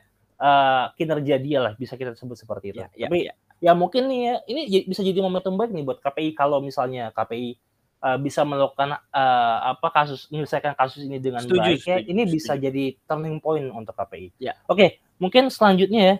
Selanjutnya uh, kita akan berita kelima nih. Oke, nah uh, ini terkait dengan tadi status Pak yaitu tadi itu terduga pelaku ya, ya dan juga misalnya nanti akan menjadi tersangka. Nah, khususnya misalnya menjadi tersangka korupsi ataupun terdakwa korupsi akan disebut sebagai koruptor. Betul. Iya kan? Walaupun konsepnya agak berbeda jauh ya. Tapi intinya itu di sini ingin ada terjadi perbedaan istilah di mana koruptor diganti menjadi penyintas ya Pak ya, penyintas iya. korupsi. Yeah. Nah, di sini eh, ada berbagai tanggapan baik dari netizen maupun dari ahli. Nah, salah satu ahli di sini itu adalah eh, apa pakar ya Pak dari peneliti peneliti pusat kajian anti korupsi UKAT UGM Zainur Rohman menilai Komisi Pemberantasan Korupsi keliru menyebut terpidana koruptor sebagai penyintas. Kenapa? Karena peruntukan kata penyintas itu tidak sesuai dengan konteks KPK telah jadi uh, tidak sesuai dengan konteks gitu ya. Ya, ya. kenapa? Karena uh, dia menyebutkan bahwa KPK telah melecehkan Eh, pengertian dari penyintas. Maknanya telah diselamatkan KPK menjadi pelaku. Tidak pantas koruptor disebut sebagai penyintas. Itu yang dia sampaikan. Jadi Zainur merujuk pada KBBI di mana penyintas itu berarti orang yang mampu bertahan hidup. Berdasarkan arti minimal tersebut saja, kata dia, para narapidana lebih cocok disebut sebagai pelaku. Gitu. Itu Pak yang di uh, di apa uh, yeah, yeah. hari ini. Nah kira-kira bagaimana Pak tanggapan Bapak nih terkait dengan perubahan istilah ini? Ya betul. Uh, mungkin ya mungkin uh, para koruptor yang bisa selesai apa kan jadi ex napi koruptor ya. Berarti mereka bebas dong. Mungkin uh, yang iya. di yang dimaksudkan di KBB itu berarti orang yang mampu bertahan hidup ya, Pak ya. Ya. Mungkin ini dalam arti ini adalah mereka yang nggak dapat hukuman mati sih, Pak. Harusnya kan koruptor menurut saya dihukum mati. Jadi mungkin ya cocok. Mungkin ini saya boleh, ambil, boleh, boleh. Saya ini ambil stance ambil stance uh, Suzon Pak terhadap bagus bagus bagus. Apa Suzon terhadap uh, berprasangka baik terhadap KPK ya. Jadi ya, ya, mungkin ya. konteksnya adalah ya mereka uh, mereka yang berhasil survive karena harusnya dihukum mati tapi harusnya hukum kita, mati. tapi kata KPK kita nggak ngasih dong hukuman mati berarti mereka ya, survive dong mereka survive penyintas mereka itu ya Betul. itu ya mungkin kalau kalau dan hukuman matinya pun ya. hukuman matinya tidak dilakukan seperti biasanya tapi melalui virus ya pak iya uh, atau melalui hal lain lah apa namanya ya itu sih kalau mau ber sehingga bisa ya. ya sehingga bisa dilakukan proses bertahan hidup jadi ada prosesnya gitu loh pak iya gak iya tapi ya itu itu jawaban uh, unik ya itu jawaban unik, ya, unik sekali, unik sekali. dan sangat sangat ulti level husnuzon pak itu ya. ada husnuzon di atasnya lagi ada ulti super super ya. husnuzon ya. nah itu jawabannya tapi kalau kita mau secara objektif ya silakan lagi ke KBBI itu nggak cocok pak karena secara di KBBI yes itu adalah orang yang mampu bertahan hidup tapi dalam pengertian secara umum di masyarakat penyintas adalah korban pak. Jadi seorang yang tidak sengaja atau terkena uh, dengan kasus atau penyakit tertentu pak. Contohnya hmm. penyintas COVID. Jadi orang-orang yang terkena menjadi korban uh, virus COVID. Hmm. atau penyintas narkoba mereka yang uh, apa menjadi korban dari zat adiktif atau uh, zat adiktif narkoba gitu. Jadi berarti kalau kita artikan dengan keyword yang sama, keyword yang sama kalau uh, penyintas korupsi mereka yang terkena dampak korupsi. Yang penyintas ya mereka yang dikorupsi bansosnya, bukan Iya. bukan koruptornya. Ini udah salah kar udah salah kaprah sih, Pak. Iya, iya, iya. Yang Nah, penyintas itu yang dikorupsi harusnya. se- jadi sekarang nih ke PK nih kalau saya katakan ini urus aja dulu yang 75 itu kepak, kepak aduh gimana sih? Eh, saya salah Markano ya, tapi intinya intinya gini loh. Eh, Anda urus aja dulu tuh ya kan yang tes-tes itu loh. Aduh gimana sih ngapain ngurusin ini istilah-istilah ini? Aduh nggak ada nggak ada kerjaan apa ini gimana? jatuhnya baik lagi, Pak. Kalau menurut uh, balik ke topik yang sebelumnya ini glorifikasi ex napi, Pak, jatuhnya. Nah, iya. Apalagi kan ada wacana ya di mana uh, setelah diubah ini ada juga nanti para napi itu memberikan edukasi tentang korupsi. Wah, ini another level of stupidity Another lagi level. kayaknya, Pak. Iya. Mungkin kalau masih ingat ya, sekarang vi- viral lagi nih Pak, setelah penyintas ini muncul eh, di beberapa platform tuh muncul lagi Pak potongan video dari Juliari Batubara yang dia eh, berbicara di hari korupsi ya. Yang Waduh. jangan melakukan korupsi karena anak istri Anda akan keluar dan dibully. Eh, tapi dalih bulian dari setelah dia korupsi digunakan untuk memperingan. Ya. Ya maksudnya omongannya jadi bullshit aja gitu. Karena sebelum melakukan aja dia berusaha mengedukasi tapi itu bullshit belaka gitu.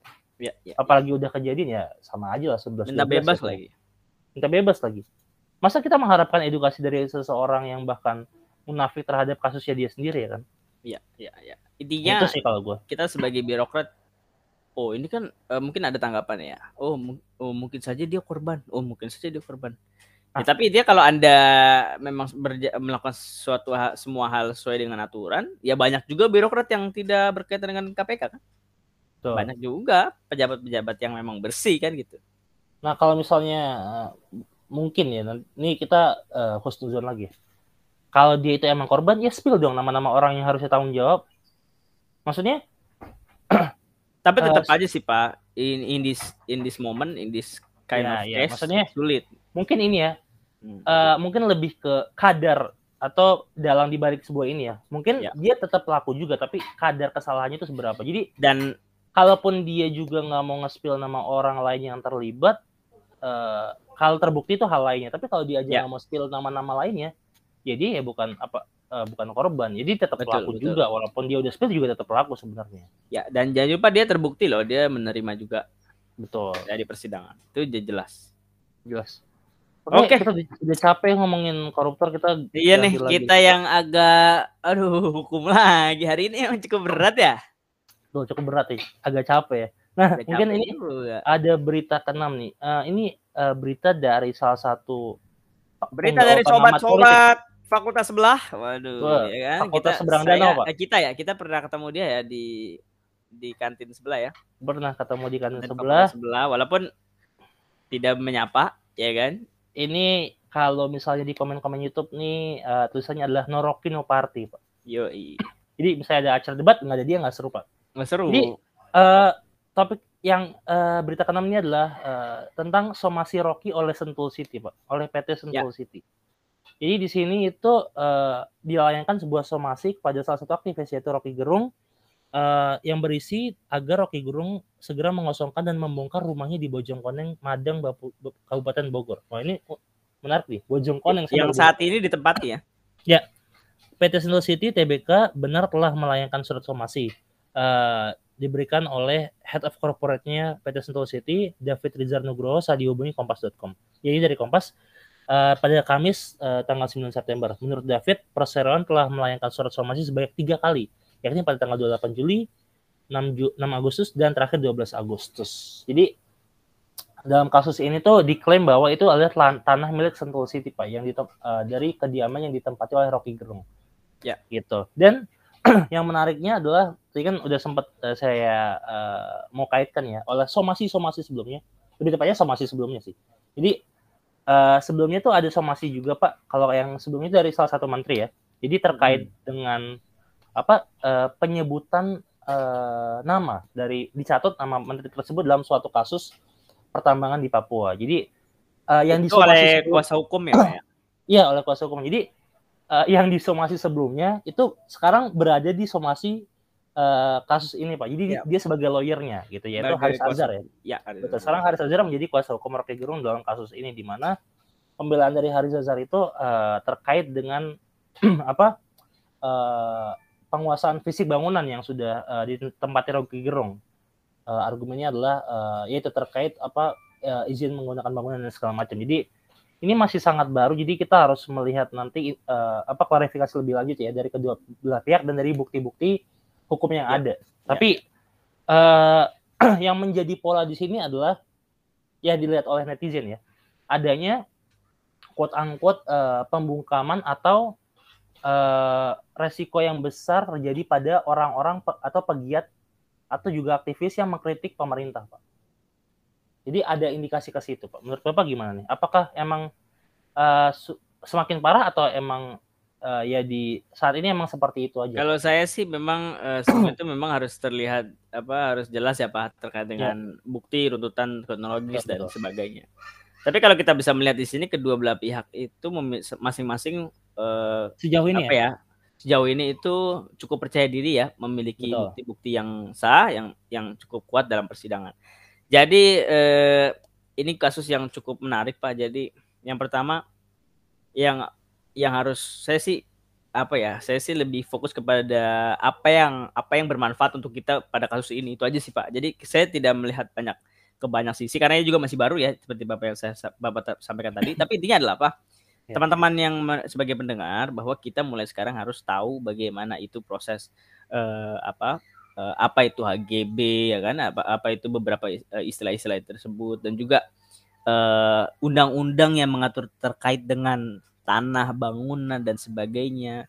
Nah kenapa? Ya. Karena terkait dengan property right ini terkait dengan aset-aset yang uh, yang mungkin suatu saat nanti kita akan miliki itu jadinya Amin. ya jadinya nanti kita sudah apa ya sudah tahu tahu, uh, tahu apa iya tata kelolanya prosedurnya dan uh, apa celah-celahnya yang hal simpelnya mungkin misalnya bisa apa hal simpelnya adalah gitu. misalnya gitu. ini yang sering dibahas di masyarakat ya. Kita nggak bisa tuh serta merta misalnya kita punya sertifikat tanah terus kita bikin rumah di situ aja nggak gitu. Kita harus punya IMB atau izin mencari bakat. Waduh. Nah izin mendirikan bangunan. Jadi harus tahu nih prosedur apa yang harus dilakukan sehingga uh, ya, ya. nggak salah kalau misalnya ada orang menggugat apa kalau kita prosedurnya aja kita langgar. Jadi untuk kasus ini khususnya kita harus uh, lihat lebih lanjut dulu. Mungkin ini kita masukkan ke topik karena ini cukup ramai ya karena cukup ramai uh, ya. apa dan ini edukasi uh, juga untuk teman-teman. Betul betul. Yang disomasi bahwa, adalah orang yang cukup di highlight ya di uh, bahwa jangan anti sama hukum. Jangan anti sama hukum. Tapi Itu anti sama saya sampaikan maksud saya anti sama koruptor dong kita oh. anti saya kira anti sama septik pak jadi ya Waduh. Boleh, boleh, boleh. Untung Bapak yang bilang. Kalau saya yang bilang nggak apa-apa sih. Kurang nggak apa-apa ya. Emang itu iya. berkait apa Pancingan, berkait ya? sama apa? itu ya, jadi, harusnya harusnya nggak menyinggung siapa-siapa ya. Semoga ya. nggak menyinggung eh, nggak uh, menyinggung para pecinta antiseptik ya. Eh, ya, nggak ada. Jadi jadi yang tadi saya sudah sampaikan bahwa ya. Eh, jangan anti dengan wah saya malas banget nih belajar belajar hukum. Wah itu nanti biarkan notarisnya aja atau dan sebagainya. Tapi intinya kita pemahaman pemahaman seperti ini khususnya kaum milenial itu memang harus dipelajari. Kita walaupun, ini kan kaum milenial kan banyak walaupun, belajar ya. apa walaupun ya kalau kaum milenial chance untuk memiliki rumah lebih kecil dari generasi sebelumnya. Ah, iya itu jelas. biasanya kita nanti ke depan mungkin akan lebih banyak apartemen ya. Sewa-sewa dan sebagainya. dari ya dari uh, ketersediaan lah, uh, lahan segala macamnya. Oke mungkin terkait dengan apa ya terkait property, dengan properti, nah ah. ini. silakan pak. Bridging pak. Silakan pak. bridgingnya adalah karena properti properti ini ada negara ya ada yang nggak suka uh, ada rakyatnya yang punya kebanyakan properti saking kebanyakan propertinya menjadi sangat kaya gitu. Betul. Karena dia gak suka. Negara ini nggak negara ini nggak suka rakyat terlalu banyak properti karena mereka lebih mementingkan common prosperity. Common prosperity, yo, i. itu Mungkin bisa China. Di, dijelaskan ya. Ada apa nih? Negara mana? Itu China, Pak. Jadi uh, China ini baru-baru ini di uh, Xi Jinping ya di uh, pertengahan Jinping. Agustus ya sekitar tanggal 18 itu kembali menegaskan bahwa China ingin menjalankan kebijakan common prosperity apa itu common prosperity? Common prosperity adalah uh, apa uh, moderat dalam hal kekayaan. Jadi uh, konsep moderat dalam hal kekayaan yang yang pada dasarnya ingin kekayaan itu terjalin secara merata dan tidak terlalu kaya gitu loh Pak. Jadi moderat. Iya. Bagaimana caranya? Bagaimana cara caranya adalah mendistribusikan kekayaan dari yang kaya-kaya yang paling kaya ke orang-orang yang memang uh, ada di bawah atau kekayaan yang yang masih rendah lah gitu ya. Nah, di sini menjadi menarik karena memang kita tahu China itu beberapa beberapa uh, beberapa uh, tahun terakhir ya, beberapa puluh terakhir, tahun terakhir memang uh, sudah mulai mengadopsi uh, sedikit ya, walaupun tidak sepenuhnya, itu adalah liberalisasi ekonomi, walaupun masih ada akar-akar komunisme. Jadi, nah, yang tadi saya sudah sampaikan bahwa oh kok uh, China itu kok selama ini kan uh, cukup oke okay gitu dari dari sudut pandang uh, oh banyak juga orang yang sangat kaya di Cina dan sebagainya. Oh. Tapi kok sekarang justru direm gitu kan kalau dari dari secara uh, istilah. Nah, itu kenapa gitu. Nah, saya mungkin boleh menjelaskan dari pada dasarnya memang Cina ini memiliki ideologi komunisme yang memang masih masih belum hilang, Pak. Yep. Dan justru ditegaskan kembali pada saat ini. Gitu loh, Pak. Common prosperity ini adalah kata yang di yang disampaikan Mao Zedong Pak pada dasarnya di pada pada awal Tiongkok itu berdiri yaitu adalah ya common prosperity. Gitu. Ya uh, kalau misalnya kita ingat dulu di, kalau mungkin di Mao Zedong tuh emang jatuhnya agak beda ya, karena lu konteksnya Mao Zedong itu emang uh, mostly itu miskin ya. Ya. Berdasarkan dari petani segala macam tapi semuanya itu diminta untuk mendapatkan hal yang sama rata bekerja untuk membangun negeri ya. Mm-hmm. Sebenarnya ini cukup unik ya terjadi di China karena ya Bapak bilang tadi uh, ini sebenarnya negara punya fondasi komunis tapi sebenarnya dalam implementasinya nggak ada komunis nggak komunis komunis amat justru lebih cenderung mm-hmm. ke liberalis ya. Yeah. Yeah, uh, yeah, yeah. Kalau mungkin kita buka data ya uh, mungkin secara garis besar tuh bahkan China itu menjadi penanam modal besar terhadap negara-negara lain bahkan ya. Betul, Makanya Pak. ini agak cukup unik nih kenapa ya terlepas dari uh, paham ideologinya mereka ini cukup unik di mana dia menjadi negara yang cukup liberal tapi di satu sisi mereka menerapkan prinsip komunisme. Iya, uh, jadi uh, pada dasarnya ada perbedaan sedikit perbedaan ideologi atau paham ekonomi dari Gen uh, dari uh, Mao Zedong dan Gen Xiaoping ya Pak kalau kita melihat. Yeah. Jadi iya. kalau dimulai dari Gen Xiaoping, China itu uh, entah bagaimanapun caranya intinya kita akan prosper gitu lah. Beda dengan Mao Zedong yang memang mengutarakan common prosperity. Sehingga oleh sebab itu dimulailah bagaimana China mengadopsi beberapa side of economy yang terkait dengan liberal tadi.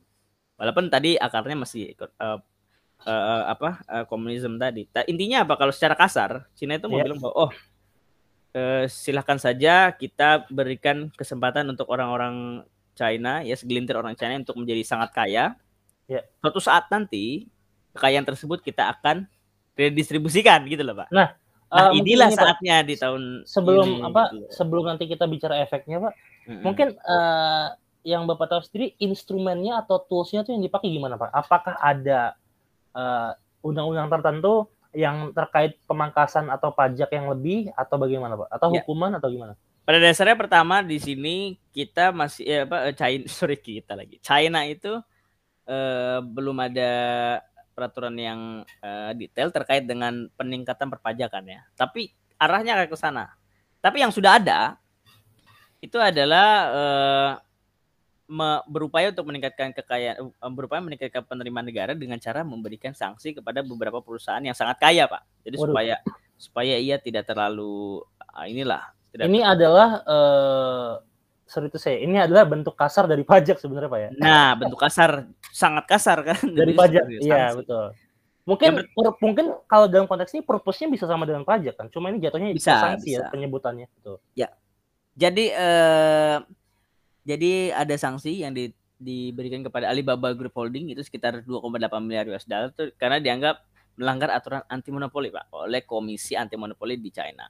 Betul. Nah sehingga eh, perusahaan yang titipannya ataupun uh, yang yang kita mengenal ya Jack Ma gitu ya, yang yeah. sangat besar sekali, itu mulai terganggu dan bukan hanya dia, jadi ada beberapa perusahaan lain juga yeah. yang eh, yang apa ya, yang sangat kaya gitu ya, yang yang konglomerat lah ya kalau di, dikatakan, oh. itu yang cukup terganggu, ya, yang cukup terganggu sehingga ada potensi bahwa ada modal keluar gitu loh dari China. Nah, oleh sebab itu China mulai uh, mengantisipasi hal tersebut, Pak. Pemerintah China mulai mengantisipasi capital flight dari China atau capital outflow ke negara-negara lain. Bagaimana caranya dia membatasi beberapa eh, instrumen di pasar modal gitu ya supaya eh, tidak tidak terlalu signifikan modal keluar dari negara tersebut gitu loh Pak. Jadi nah. intinya apa? Intinya kalau saya boleh memberikan analisis bahwa China ini ke depan ekonominya tidak akan terlalu signifikan seperti sebelum-sebelumnya. Jadi maksudnya akan lebih landai gitu Pak. Ya, stability ya, ya. akan lebih landai. Uh, dan juga pada dasarnya seharusnya tidak ter, tidak terlalu terdampak untuk Indonesia, Pak. Karena kita yeah. merupakan partner dagang utama ya dengan China. Kalau kita melihat uh, ekspor dan impor kita tuh nomor satunya itu China, Pak. Jadi partner China. dagang utama. Ya, walaupun kita selalu defisit. kita selalu defisit. Ini ya, mungkin ya itu baik lagi ya. Uh, jadi China ini yaitu mengutamakan instead of dia pertumbuhan yang yang banyak juga di, jadi di luar sekarang gitu. ini. Iya. Tadinya kan dia, dia lebih mengarah ke pros, prosperity, stability hmm. gitu ya. Iya. Betul betul. Karena dia mengut sebenarnya ini salah satu uh, tools juga salah satu fundamental yang dipakai negara-negara untuk apa ya membangkitkan perekonomian dalam negeri sebenarnya. Ya. Cuma ya. mungkin uh, momentumnya itu di highlight karena ya itu tadi uh, kan pernah juga Pak Jack Ma itu karena perdebatan dengan pihak pemerintah ya dia sempat menghilang Pak ya dari peredaran. Betul betul. itu nggak tahu tuh, itu nggak tahu dia ke mana. Tapi sempat kembali, tapi telah kembali juga. Telah kembali. Nggak tahu nih setelah ini hilang lagi apa gimana kita nggak tahu ya. Nah, nah itu. Tapi yang kayaknya ini, dia juga sudah membayarkan denda tersebut sehingga, sehingga sepertinya oke oke aja sih. Jadi mungkin uh, kalau kita mau mengambil hikmah dari kejadian ini untuk para pengusaha di Indonesia udah jangan kabur-kabur pajak dengan tax progresif yang segitu.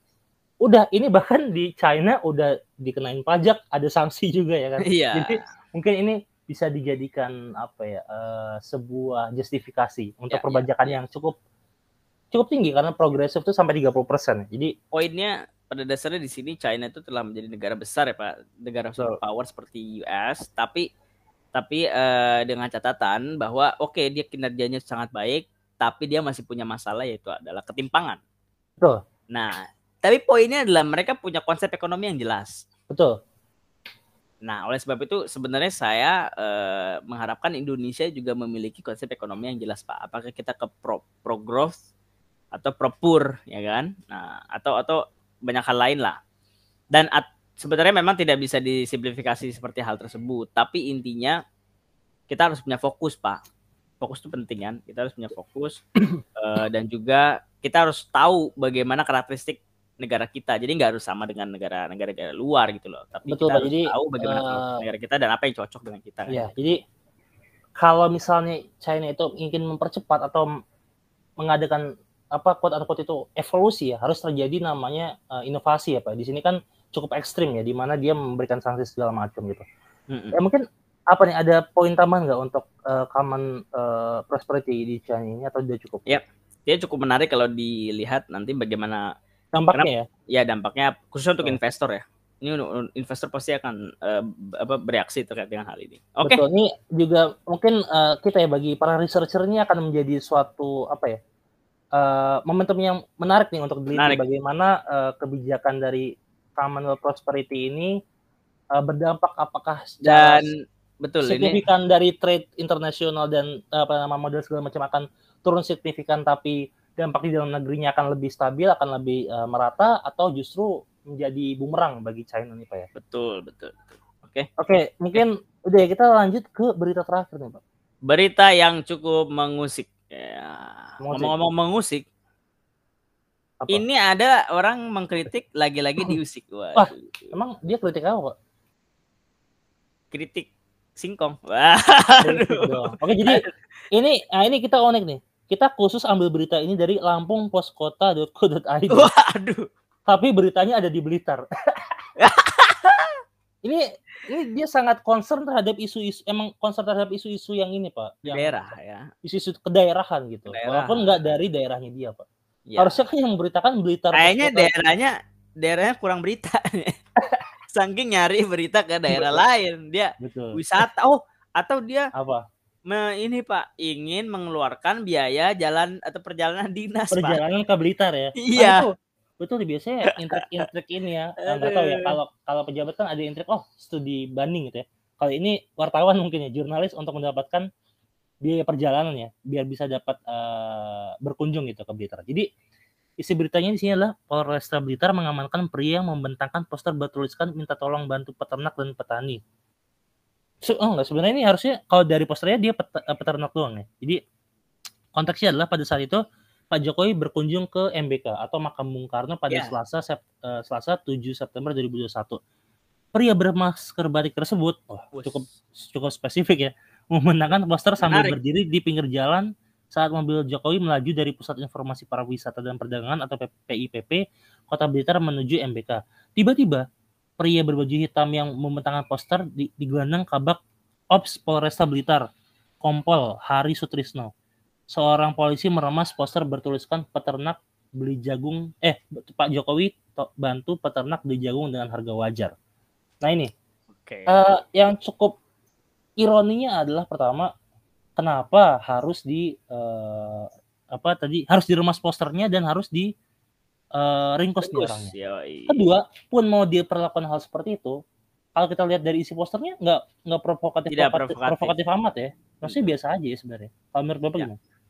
Saya mau nanya dulu sih Apa? Kan si pria ini itu menggunakan uh, ini ya Pak, maskernya itu kan batik ya. Betul. Saya mau nanya ini batiknya motif apa, Pak? Aduh. Sudah saya duga tapi oke, okay, saya jawab. Kayaknya batik Akatsuki sih, Pak. Waduh, iya. Nah, Pekalongan ya, batik Pekalongan. Atau batik Manchester United ya.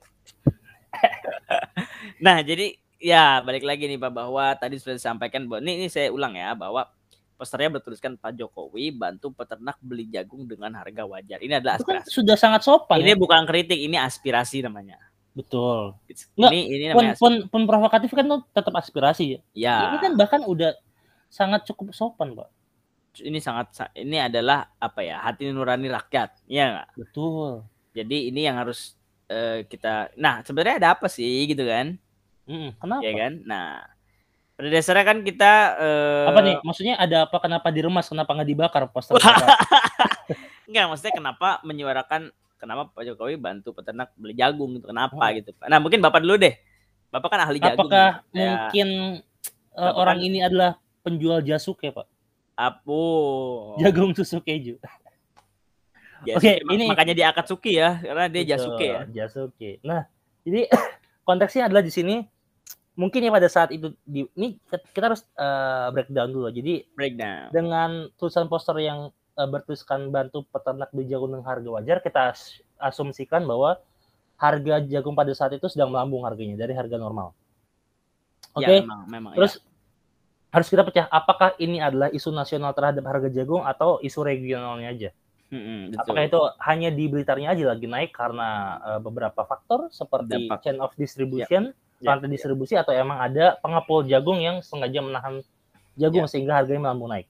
Betul. Tapi kalau misalnya kita lihat secara uh, lebih besar ya, emang uh, jagung ini Pak sebagai salah satu komoditas yang ekspornya cukup besar Pak.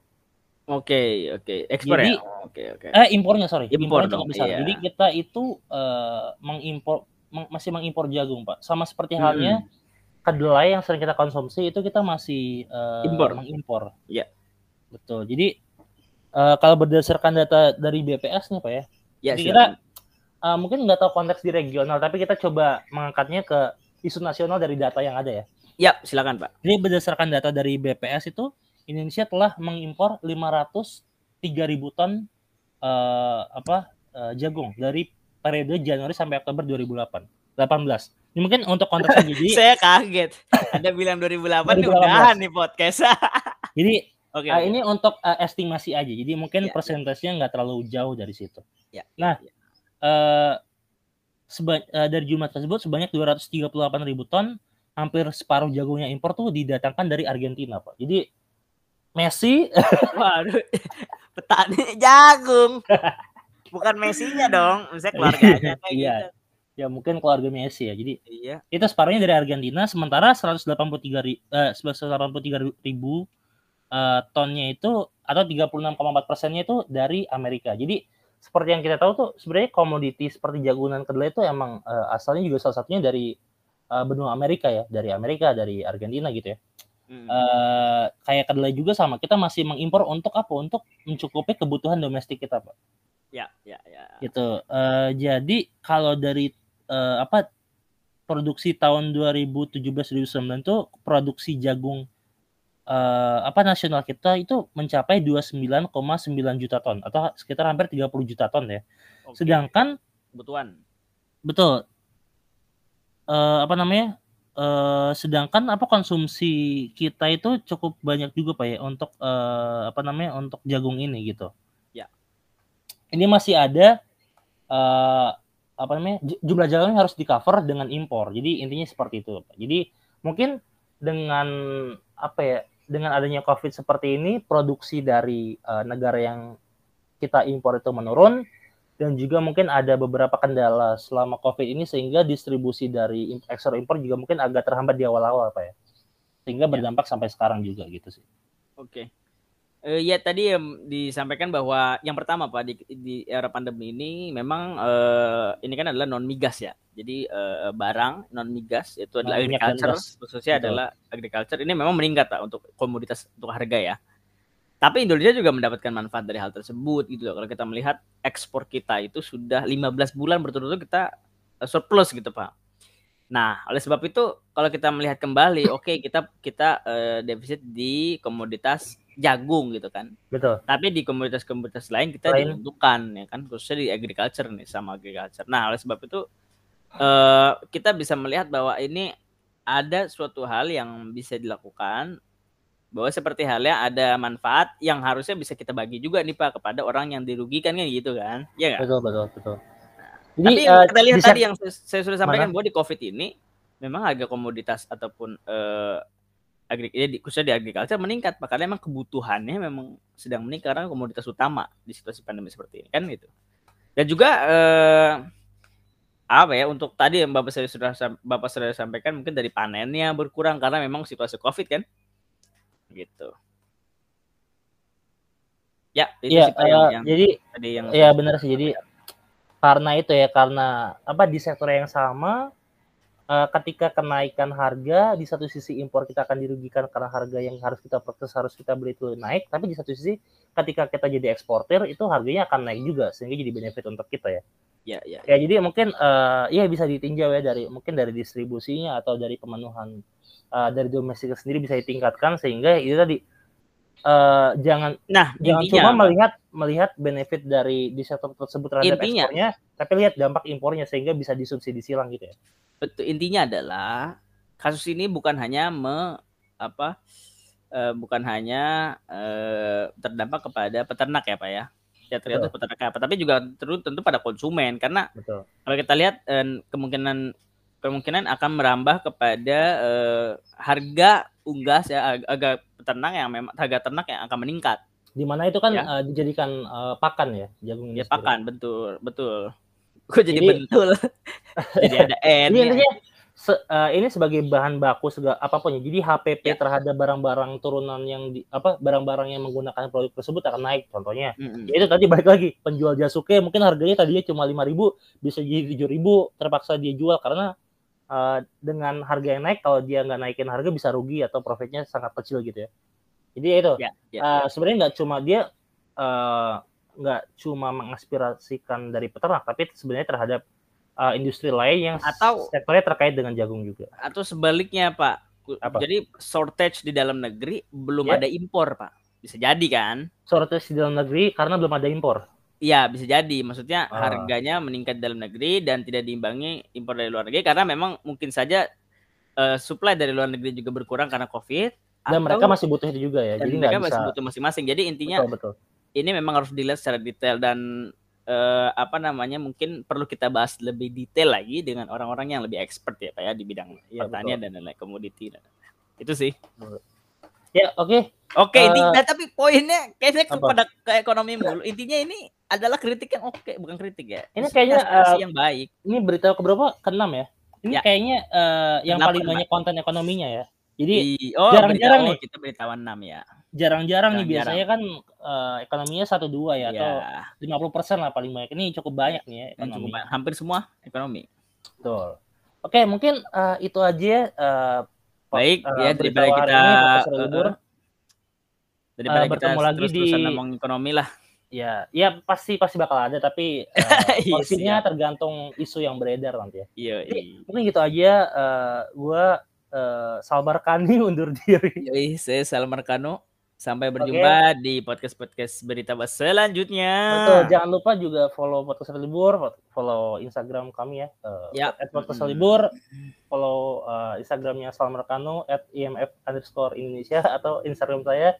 Oh iya, saya harus ganti gitu ya. saya harus ganti ini Pak IG ya.